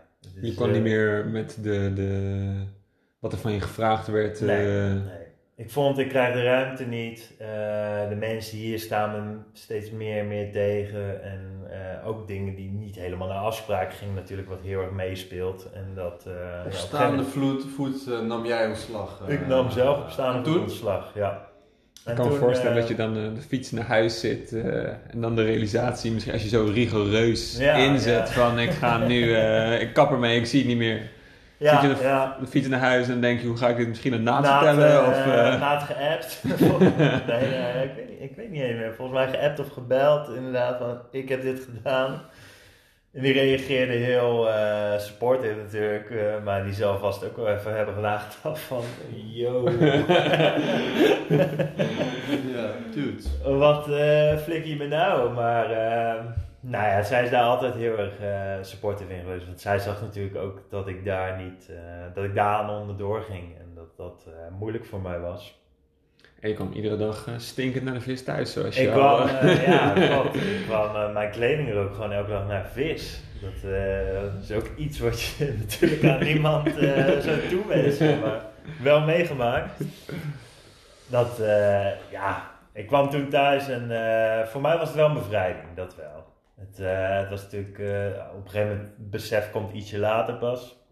Eh, maar voor mij was het wel echt een bevrijding dat ik dacht van, eh, dit hoeft niet meer, dit is klaar. je hoeft niet meer naar, het werk toe. Ik hoef niet meer naar het werk toe en eh, ik, kan me hier, ik kan iets nieuws gaan opbouwen en ik kan iets nieuws gaan doen. En ehm, ik wist ook op dat moment dat ik via Sjan, ehm, dat ik daar even kort nog aan de slag kon. Dat had, eh, dat had ik opgevangen en dat heeft mij toen ook aangeboden. Dat had ik echt nodig op dat moment. Dat is echt eh, voor mij de uitkomst geweest om een stukje te overbruggen. Dat had je ook Eh, in je achterhoofd. Toen je dat ontslag Ja, dat je dacht van nou, dan kan ik misschien nog even een beetje beunen bij het bedrijf van Chance vader. Ja, klopt. Dat heb ik daarna, eh daarna Sean gebeld van, joh, eh, ik heb dit gedaan, eh, kan...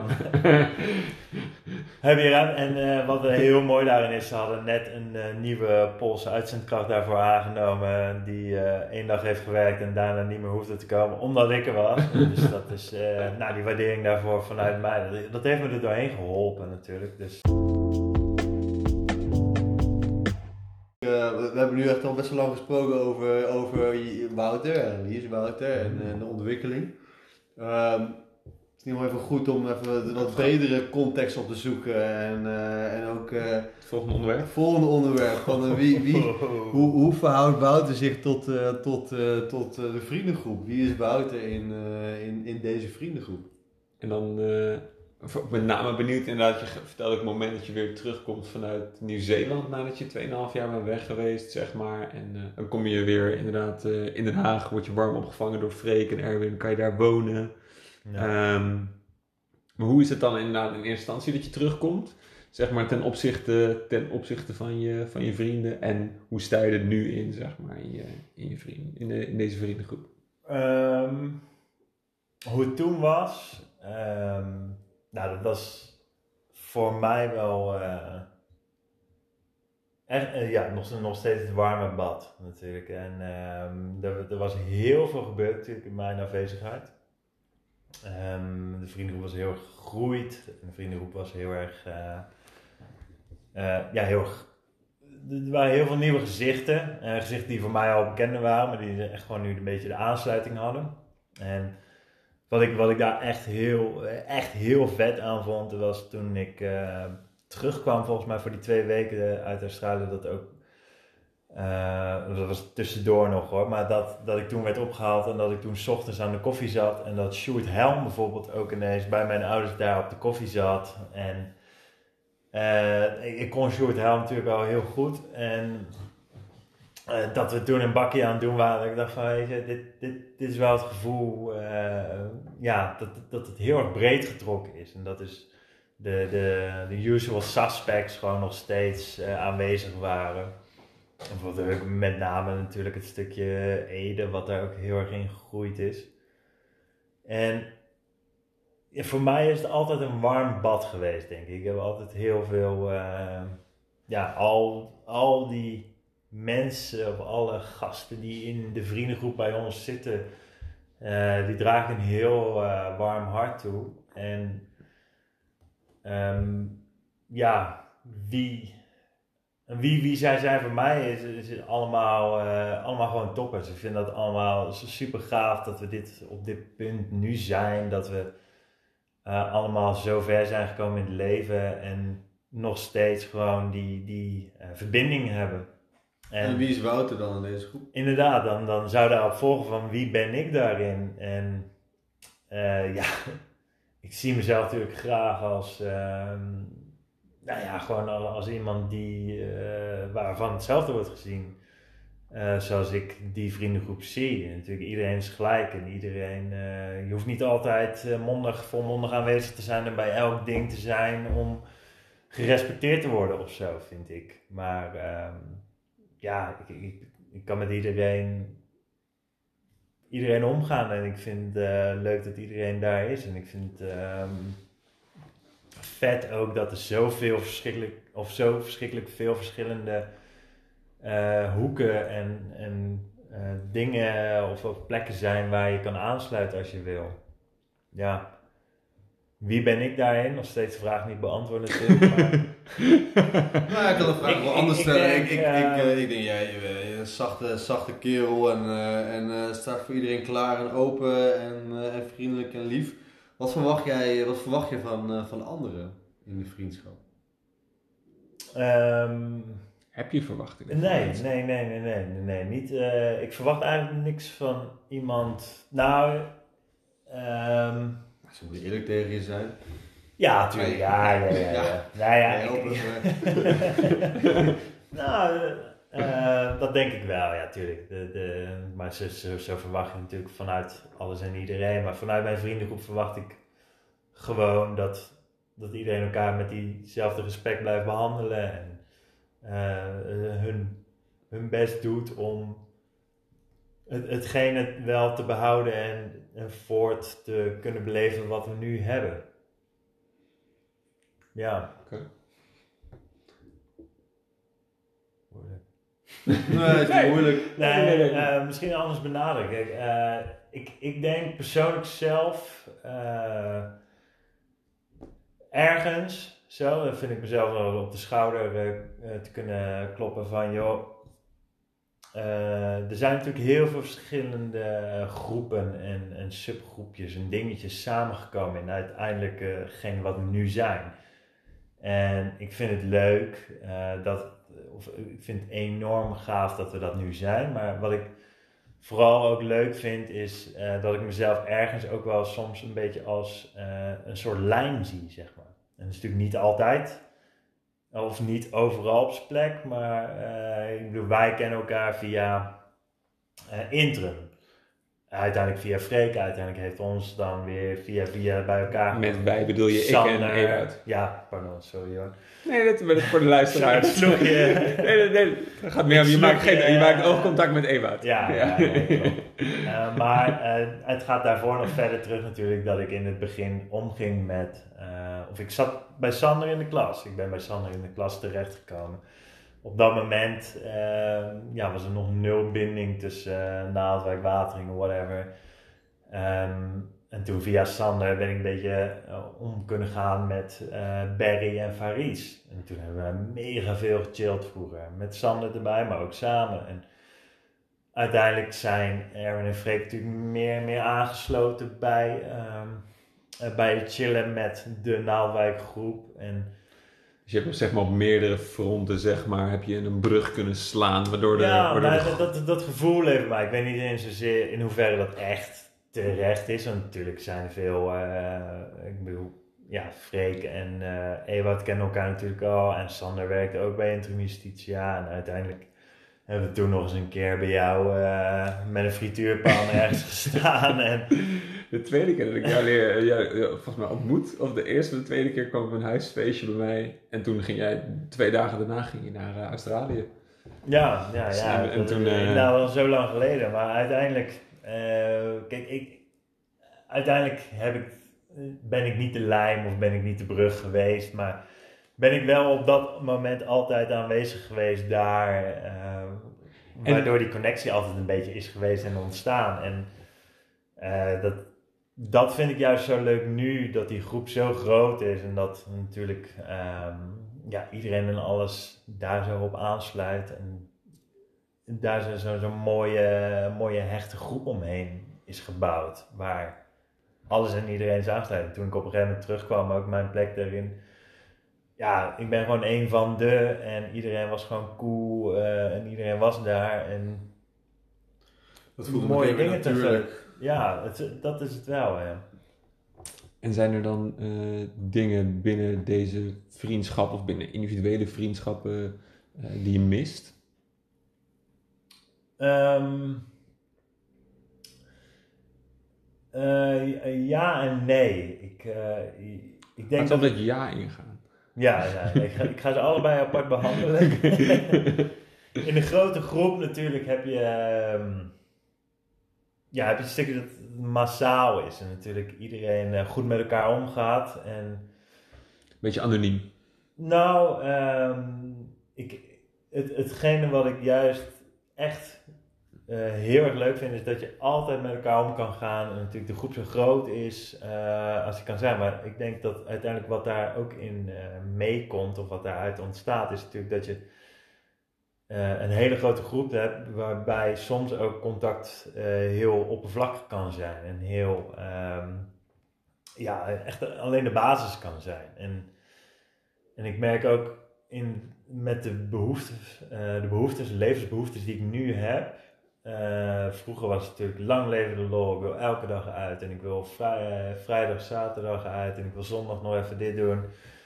En nu, eh, ja, met de tijd natuurlijk, is dat steeds minder. En wil ik eigenlijk, eh, heb ik steeds meer de behoefte om gewoon de tijd aan mezelf te besteden. Om de tijd aan eh Nathalie en mijzelf te besteden. Dat we zelf, eh, dat ik niet meer altijd weg hoef. En dat ik eh, niet meer altijd wat hoef te doen. En ik merk voor mezelf dat dat eh, me soms wel tegenstaat. Dat ik denk van, je wil toch die diepgang opzoeken.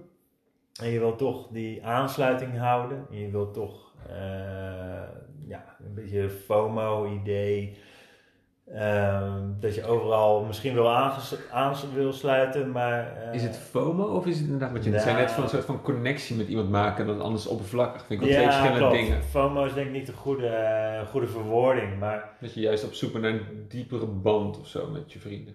Ja, nou, soms, soms eh, mis ik dat wel eens. En dat is niet het verwijt richting natuurlijk de, de, de, de gasten zelf, maar ook vanuit mijzelf meer. Dat soms moeilijk is om eh, die persoonlijke aandacht te geven. En die, eh, als je natuurlijk zelf in jezelf toegekeerd bent, en zeker ook met de huidige eh, toestanden natuurlijk in de wereld, dat je bijna wel een tijd lang gedwongen bent om tot jezelf te zijn. En zeker ook met mezelf bezig ben geweest om toch wat, wat meer tot jezelf te geraken.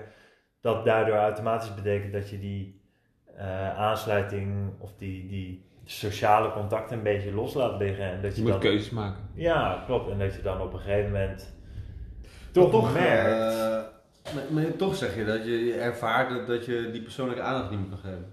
ja, nou dat denk ik wel. Maar je Eh, kan ook zeggen, van, ja, dat is, dat is, ja, dat is dat, dat, dat- nou eenmaal hoe het gaat. Eh, Ja, we worden nou, wat dat- dat ouder en we hebben onze werk, sommigen krijgen ook kinderen. Dus ja, eh, het is nogal wiedes dat we niet meer elke vrijdag, zaterdag in, eh, in de Ja. paap staan. En sommige Ja. wiedes dat we niet meer, en dat houden we gewoon niet vol. Ja, weet je, we kunnen het wel willen, maar het lukt niet. Dus Dus dit is, dit is de situatie. En dan, ja, dan, maar toch zeg je, ik zou toch wel graag iedereen nog, of iedereen, ik zou nog wel meer persoonlijke aandacht willen geven.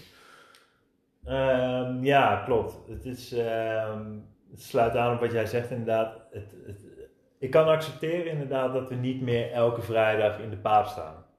En sterker nog, eh, dat juich ik toe. maar ehm, er zijn ook momenten natuurlijk dat je. ehm, ehm, ja, nou ja eh, dat ik een beetje moeite heb om dat los te laten misschien of zo. Dat je toch denkt van, hé, hey, Maar het klinkt mij want je gaf net aan dat je het juist wel lekker vindt. Ja, dat maar- je, dat, dat is het tegenstrijdige voor mij. Eh, ik wil me juist graag concentreren op het stukje inderdaad van, hé, hey, we, we groeien allemaal in het leven. Dus hele andere behoeftes die nu eh, ontstaan. En eh, je wilt natuurlijk gewoon verder denken en zijn, eh, nou ja, we zijn al grote mensen, maar hebben dus grote mensen dingen die er meer en meer op je pad komen. En eh, daar wil ik me heel erg aan gaan wijden. En daar ben je natuurlijk mee bezig. En tegelijkertijd betekent dat wel dus dat je die oude ehm, ja, comfortzones of die oude dingen die je vroeger zo, zo sterk had, eh, toch een beetje opgeeft en laat gaan. En natuurlijk, dat is ook niet meer standaard dat we daar zitten. En het is niet Dus meer standaard dat het zo is, maar dat gemis in de vriendschap is dan meer, misschien meer nostalgisch. Zo van, ah, dat, dat was het. Maar als je er dan over nadenkt, dan is het ook wel een keuze van jezelf. Ja, het ik ben er wel klaar voor. Eh, ik ben er klaar voor inderdaad om, eh, om de next step te gaan doen met, met Naad. Om, om bijvoorbeeld ook te gaan denken van, hé, hey, eh, we willen... eh, of tenminste, ja, ik, ik kan mijn tijd ook ergens anders aan besteden. En ik kan Maak die zin eens af. Maak die zin eens af. Nou ja, eh, ik, wil, ik wil ook gewoon verder denken. Ik wil ook gewoon... En waar, zoals, waar overwegen? nou ja, kinderen. Wij, Kinderen. nou ja, wij zijn op zoek naar een huis natuurlijk, nog Ah steeds. ja. En kijk, dat is wel even een basis die we eerst moeten gaan leggen. Maar eh, ja, ik hoef daar ook geen geheim van te maken dat ik dat graag zou willen. En ehm, dat mijn concentratie meer naar NATO zou gaan. Dat, Dus de laatste jaren zeer zeker meer, meer aan de hand. En ik heb er zeer, zeker ook gewoon vrede mee dat dat Huisje blijft met een beestje. gebeuren. Ja. Ja, ja. beestje is er. En, eh, beestje is genoeg, ja. Nee, nee, nee, nee, maar dat mag gewoon, zich gewoon uitbreiden. Ik merk ook over, over de jaren heen natuurlijk, ehm, verandert je behoefte daarin. Of tenminste bij mij in ieder geval heel sterk. Dat is waar ik vroeger inderdaad behoefte had om elke vrijdag eh, te unwinden met mijn vrienden die gelijkgestemd waren met mijzelf, waarbij we ons lekker lieten gaan. En het was een toptijd. Ik, eh, daar hebben we allemaal van genoten, denk ik. Maar ik, nu- denk- ik denk dat we nog steeds gelijkgestemden zijn hoor. Ja, nee, ja, klopt, klopt. Maar die behoefte, die gestemd, eh, waarover we gestemd zijn, eh, verandert wel. Ehm, gedeeltelijk. Ja. Natuurlijk kunnen we ons zelfs nog steeds vermaken met een dergelijke avond, dat we daar belanden. Maar de frequentie en eh, af en toe ook eens een keer zeggen, joh, doe de volgende keer wel een keer mee. Ja. Dat is voor mij nu veel sterker, omdat ik toch meer wil concentreren op naad, op Ja.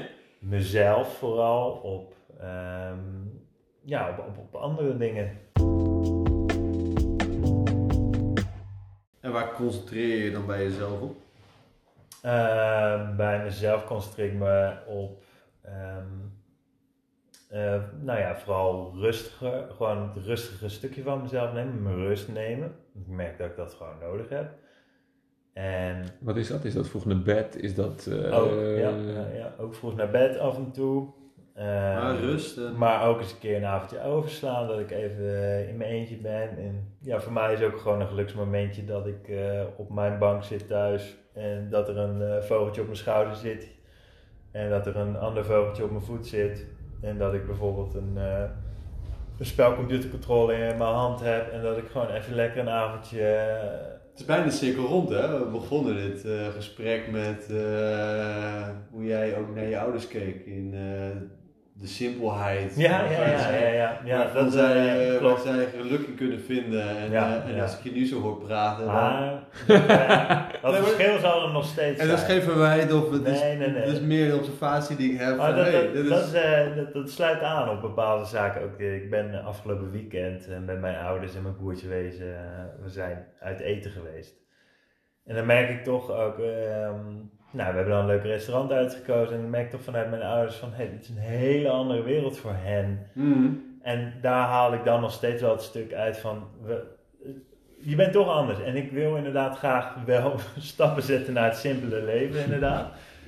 Maar wel, ehm, ja, wel met de jeugdigheid die we allemaal eh, zullen hebben. Met de invloeden en de, eh, gewoon onze cultuur meer. Ik proef toch wel een beetje recalcitrantie-reactie Ja, nu. Ik wil toch nog steeds afzetten tegen mijn ouders. maar- nee, nee, nee. Nou, ehm, nou ja, wel. Nee, nee, nee, dat denk ik niet. Ik denk dat het, eh, het is niet afzetten, maar het is meer laten zien van, je bent nu op het punt van, je bent volwassen genoeg dat je hen ook eens kan meenemen in van, eh, dat is boeiend, want ik zeg eigenlijk, ik, ma- ik maak de cirkel rond. en je- De, dezelfde simpelheid die jij nu zoekt als dat je ouders. En je begint meteen uit te leggen van nee, dat is niet zo, want dat komt ook nog eh, uit dit voorbeeld naar voren. Ehm, nou. ja, nou oké, misschien was het te snel gereageerd, maar ik, ik, ik denk eh, dat ik echt niet zozeer zal, eh, zal ontkennen dat diezelfde simpelheid erin sluipt. Maar... En misschien moet je het niet in simpelheid noemen, we kunnen ook wel eenvoudigheid noemen. Dat, dat, ja, dat, neutrale. Iets rustiger. eh, En eh, dat sluit natuurlijk ook aan op het stuk van, ik heb me er altijd tegen afgezet, maar ik heb er ook waardering voor gehad. En ook die inzichten gehad van, ik heb me er altijd tegen afgezet, maar ook, ik kan het wel, eh, ik heb me er wel nu meer dan nooit gerespecteerd om dat punt. En het nooit begreep, of tenminste toen de tijd nooit begrepen, maar nu steeds meer begint te grij- begrijpen, maar wel op En mijn als je- eigen manier. En als je dan nu een uh, voorschot op de toekomst neemt, eh, je bent aan het zoeken naar een huis, je zijn over, nou, over kinderen, nou, misschien over een uh, eh, misschien dat Naat het zo hoort en denkt van, oeh. Oeh. Nee, nee, nee. Nou, nee, nee, We kunnen denk ik rustig stellen dat er wellicht, Zeker, misschien zeker. over een aantal jaar, binnen nu en een jaar of vijf, Ja, ja. misschien een kleine Wouter is. En eh, Liever een kleine naad, maar... eh, een, een kleine naad met een heel klein boutertje in haar eh, is. En hoe, op het moment dat die, dat die dan groot wordt, hoe zou die dan naar jou kijken? Zeg maar, als die dan in de puberteit komt.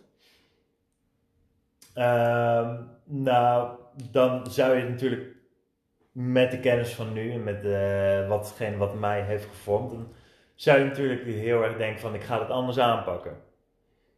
Tenminste, eh, ik ga het anders aanpakken in de zin van ik ga proberen eh, wat ik zelf heel erg heb gemist.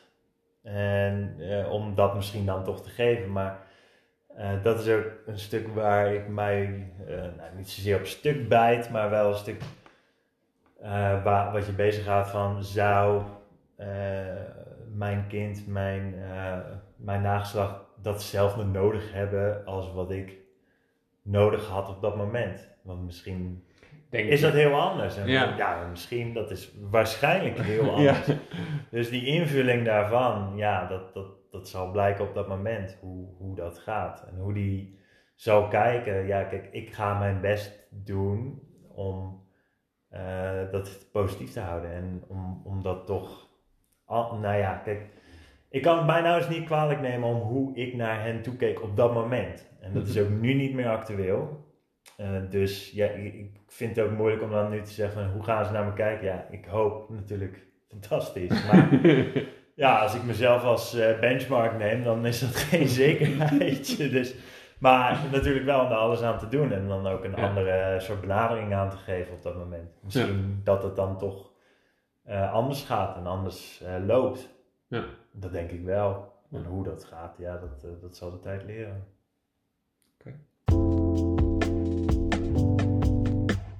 Eh, laatste, laatste vraag die we altijd stellen. Dus ehm, een beetje, een beetje, een beetje à la kerstspeech. En eh, er zit een beetje deel, gedeelte van terugkijken in. Maar dat, nou, ik denk dat we al veel natuurlijk eh, geraakt hebben. En eh, je hebt ook al veel verteld over hoe het zo gekomen is tot, tot waar je nu staat en wie je nu bent. Dus eh, ik vooral wel be- be- benieuwd ben naar... eh, ehm, eh, hoe zien de komende jaren er voor eh, jou en jullie uit?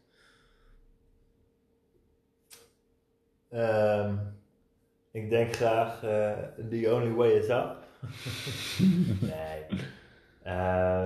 Voor mij, mijn ideaalplaatje nu is ehm, dat we inderdaad eh, binnen zeer korte tijd een, eh, een leuk huisje, een leuk huis, een leuke plek vinden om te gaan wonen. En vanuit daaruit kunnen voor Nat en mijzelf alleen maar mooie eh, dingen gaan ontstaan natuurlijk. Eh, tenminste, dat, dat, eh, dat hopen we, daar gaan we vanuit. 2025? Hoeveel dieren, 2025. hoeveel dieren heb je? Als het aan mij ligt. Ja. ligt ja. eraan aan wie het Ja, ja, als het aan jou ligt. dan- Als het aan mij ligt, dan hebben we een hond en een kat. En eh, dan hoop ik dat Fred en Bob, onze vogels, nog steeds eh, zijn wie ze zijn. Want dat zijn ze zo heerlijk elke dag weer. En nou ja, dat, dat, weet ik niet, maar dat zou voor mij heel leuk zijn. Maar, Hond en eh, kat erbij. nou, gewoon, eh, dat lijkt me heel leuk. Het moet eh, blijken of dat inderdaad mooi zal gaan zijn. Het moet natuurlijk wel goed ook voor hen zijn. Hè? Maar ehm, ja, ik denk toch wel. ehm, Een paar koters. ik hoop in ieder geval één. Ja, heb je een ideaal beeld van hoeveel kinderen of wat voor, wat voor gezin je voor je ziet? Ehm, Je hoeft helemaal niet, eh, ik bedoel, je hoeft je niet, eh, zo- nee, nee, nee. je, niemand kan de toekomst kijken. Dus als het zes, even mee. We ja, schrijven even mee. dus als het zes wordt, is het prima. Maar als het, eh, Nee, nee, ik, eh, ik, ik denk dat voor mezelf, ik heb tot nu toe altijd bij naad aangegeven dat ik, Naad is dat ik niet. graag, je mag gewoon eh, nee, dat ik graag één eh, kindje zou, eh, bij één kindje zou willen houden. Oké. Ehm, waarop dat precies gebaseerd is, kan ik niet helemaal zeggen, maar dat is wel eh, iets wat mij, ehm, ja, wat, wat ik, als, het dat. beeld nu zie, wat, eh, wat er uiteindelijk uit gaat komen en misschien dat op termijn ineens anders is, dat weet ik niet, dat kan ik nu natuurlijk niet zeggen, maar dat, eh, ja, gewoon het huisje, boompje, beestje, kotertje en ehm, dat zou mij heel veel geluk gaan brengen, denk ik. En het stukje ook gewoon eh, die, die, die dynamiek in de vriendengroep nu, zoals die nu gaat. En eh, om dat te blijven behouden, dat is denk ik heel erg. eh, dat is denk ik wel iets wat ik mezelf over vijf jaar nog wel zie doen. Zitten we op een gegeven moment misschien ergens met 15 kleine kids eh, die allemaal aan het rondrennen zijn. Maar eh, als we datzelfde kunnen, eh, kunnen volhouden tot dan, dan lijkt me dat echt ultiem. Ja, dat is wel een doel. Top. Ja. Ehm, ja, je liet nou- als jij nog net even tussen neus en lippen door weddenschapje. En je, zei je- jij, maar... Nee, oh, ik dacht dat ik je herhaalde. Oh, zo, zo, zo. ja. Nee, nee, Maar dat nee, maakt niet uit. dat, dat deed me in ieder geval aan iets herinneren. Je hebt sinds kort nog een weddenschap, ja, zeg je het, afgesloten. Ja. Nee, niet afgesloten, afgerond. Afgerond, ja. Afgerond. Ik heb hem eh, overleefd zonder dat ik eh, me hoefde te, te lichten vanuit mijn kant, zeg maar. Ja, de, de weddenschap was een jaar lang niet roken. Een jaar lang niet roken met drie strikes. Hoeveel strikes heb je nodig gehad? Drie. niet nodig had genomen. ja, ja. Ik, eh, ik heb een jaar lang geen sigaretten gerookt. En ik heb eh, drie strikes gehad natuurlijk, waarvan de eerste strike binnen vijf dagen na starten was. En de tweede strike binnen vijf dagen na die eerste strike was. Het zag er niet goed uit. Het zag er op dat moment niet goed uit. En ik ben al eerder vaker gestopt, maar ik ben nu, eh, ik ga het nu wel volhouden, denk ik wel. Ja. Dus, dus over vijf jaar. Ik, eh, ik rook niet. Ik heb altijd gezegd dat ik een eh short konijnroker wil zijn. Oh, ik, dat, dat zegt mij niks. Die neemt gewoon op momenten dat je denkt, oh, short konijn, eh, rookt hij wel. eh, wat, en inderdaad, dan heel random, at random neemt hij wel eens een. En dat zie ik mezelf ook nog wel doen. Ja. Want ik zal natuurlijk ook misschien af en toe nog wel eens eh, een blootje aansteken of iets anders. Maar Je hoeft geen geheel ontzegger te worden, maar het nee, moet nee, niet, nee. Maar niet- roken is eh, totaal niet meer in mijn systeem. Dat is wel echt heerlijk om eh, Mooi, te kunnen zeggen hè, en vooral eh, te denken van ja. mooi. Dus komende Mystery Weekend, eh, geen gevaar voor jou. eh. Nee, nee, nee, nee, nee. Dat denk ik niet. Het is een week wel zeker. Ik zou zeggen. Ja, we, we hebben altijd een cadeautje aan het eind van het interview. Zo. En eh, Producenten, ja. ja, ja. nee, ja, we, we waren aan het twijfelen. Het was een beetje van, eh, eh, we, hebben, we konden kiezen uit twee boeken. We, we geven toch al vaak wel een boek, hè? het was Oei, ik groei. Dus dat was meer aansluitend bij de, de, de, de, de fouten die, die je op aan het groeien bent. Maar we hebben eigenlijk we hebben een ander boek voor je. Die sluit meer aan bij eh, de, de, de, de avontuurlijke Wouter. Ah, En eh, ik ga je, we, gaan je een boek geven van, eh, eh, ja, dit was ook een eh, avonturier. Eh, en als je aan Australië denkt, aan, eh, aan welke plaatsen denk je dan eh, vooral? eh, als ik aan Australië denk en avonturiers, denk ik aan Kan er maar één zijn. Fout. James Cook, In de buurt. Michael Bork. Ja, je bent op de goede weg. eh, In het noorden.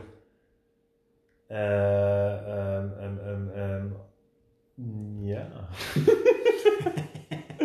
God, eh, nee, ik ben heel benieuwd. Ligt op ik ga straks sowieso zeggen, oh ja. Dus, precies, die komt niet. Hij komt nu. Hij ligt een plaats die heet Darwin. Charles. Juist. En die heeft een boek geschreven. En eh, over zijn reis, ook langs eh, Australië.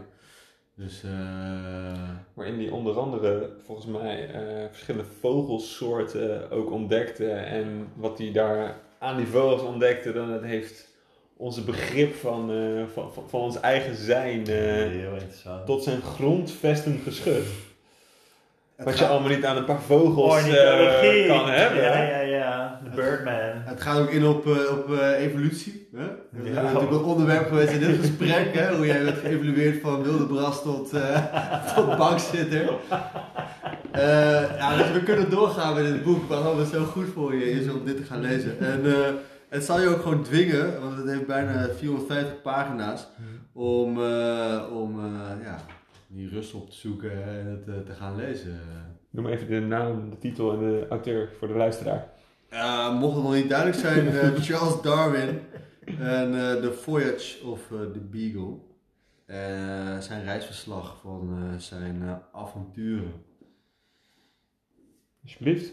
Mega bedankt jongens. Echt, eh, ik vind het een mooi cadeau. Ik vond het een mooie avond. En eh, ik, ga hem, eh, ik ga hem helemaal uitlezen. Nice. Thanks, Thanks. boys. Ja, dan, jij, dankjewel.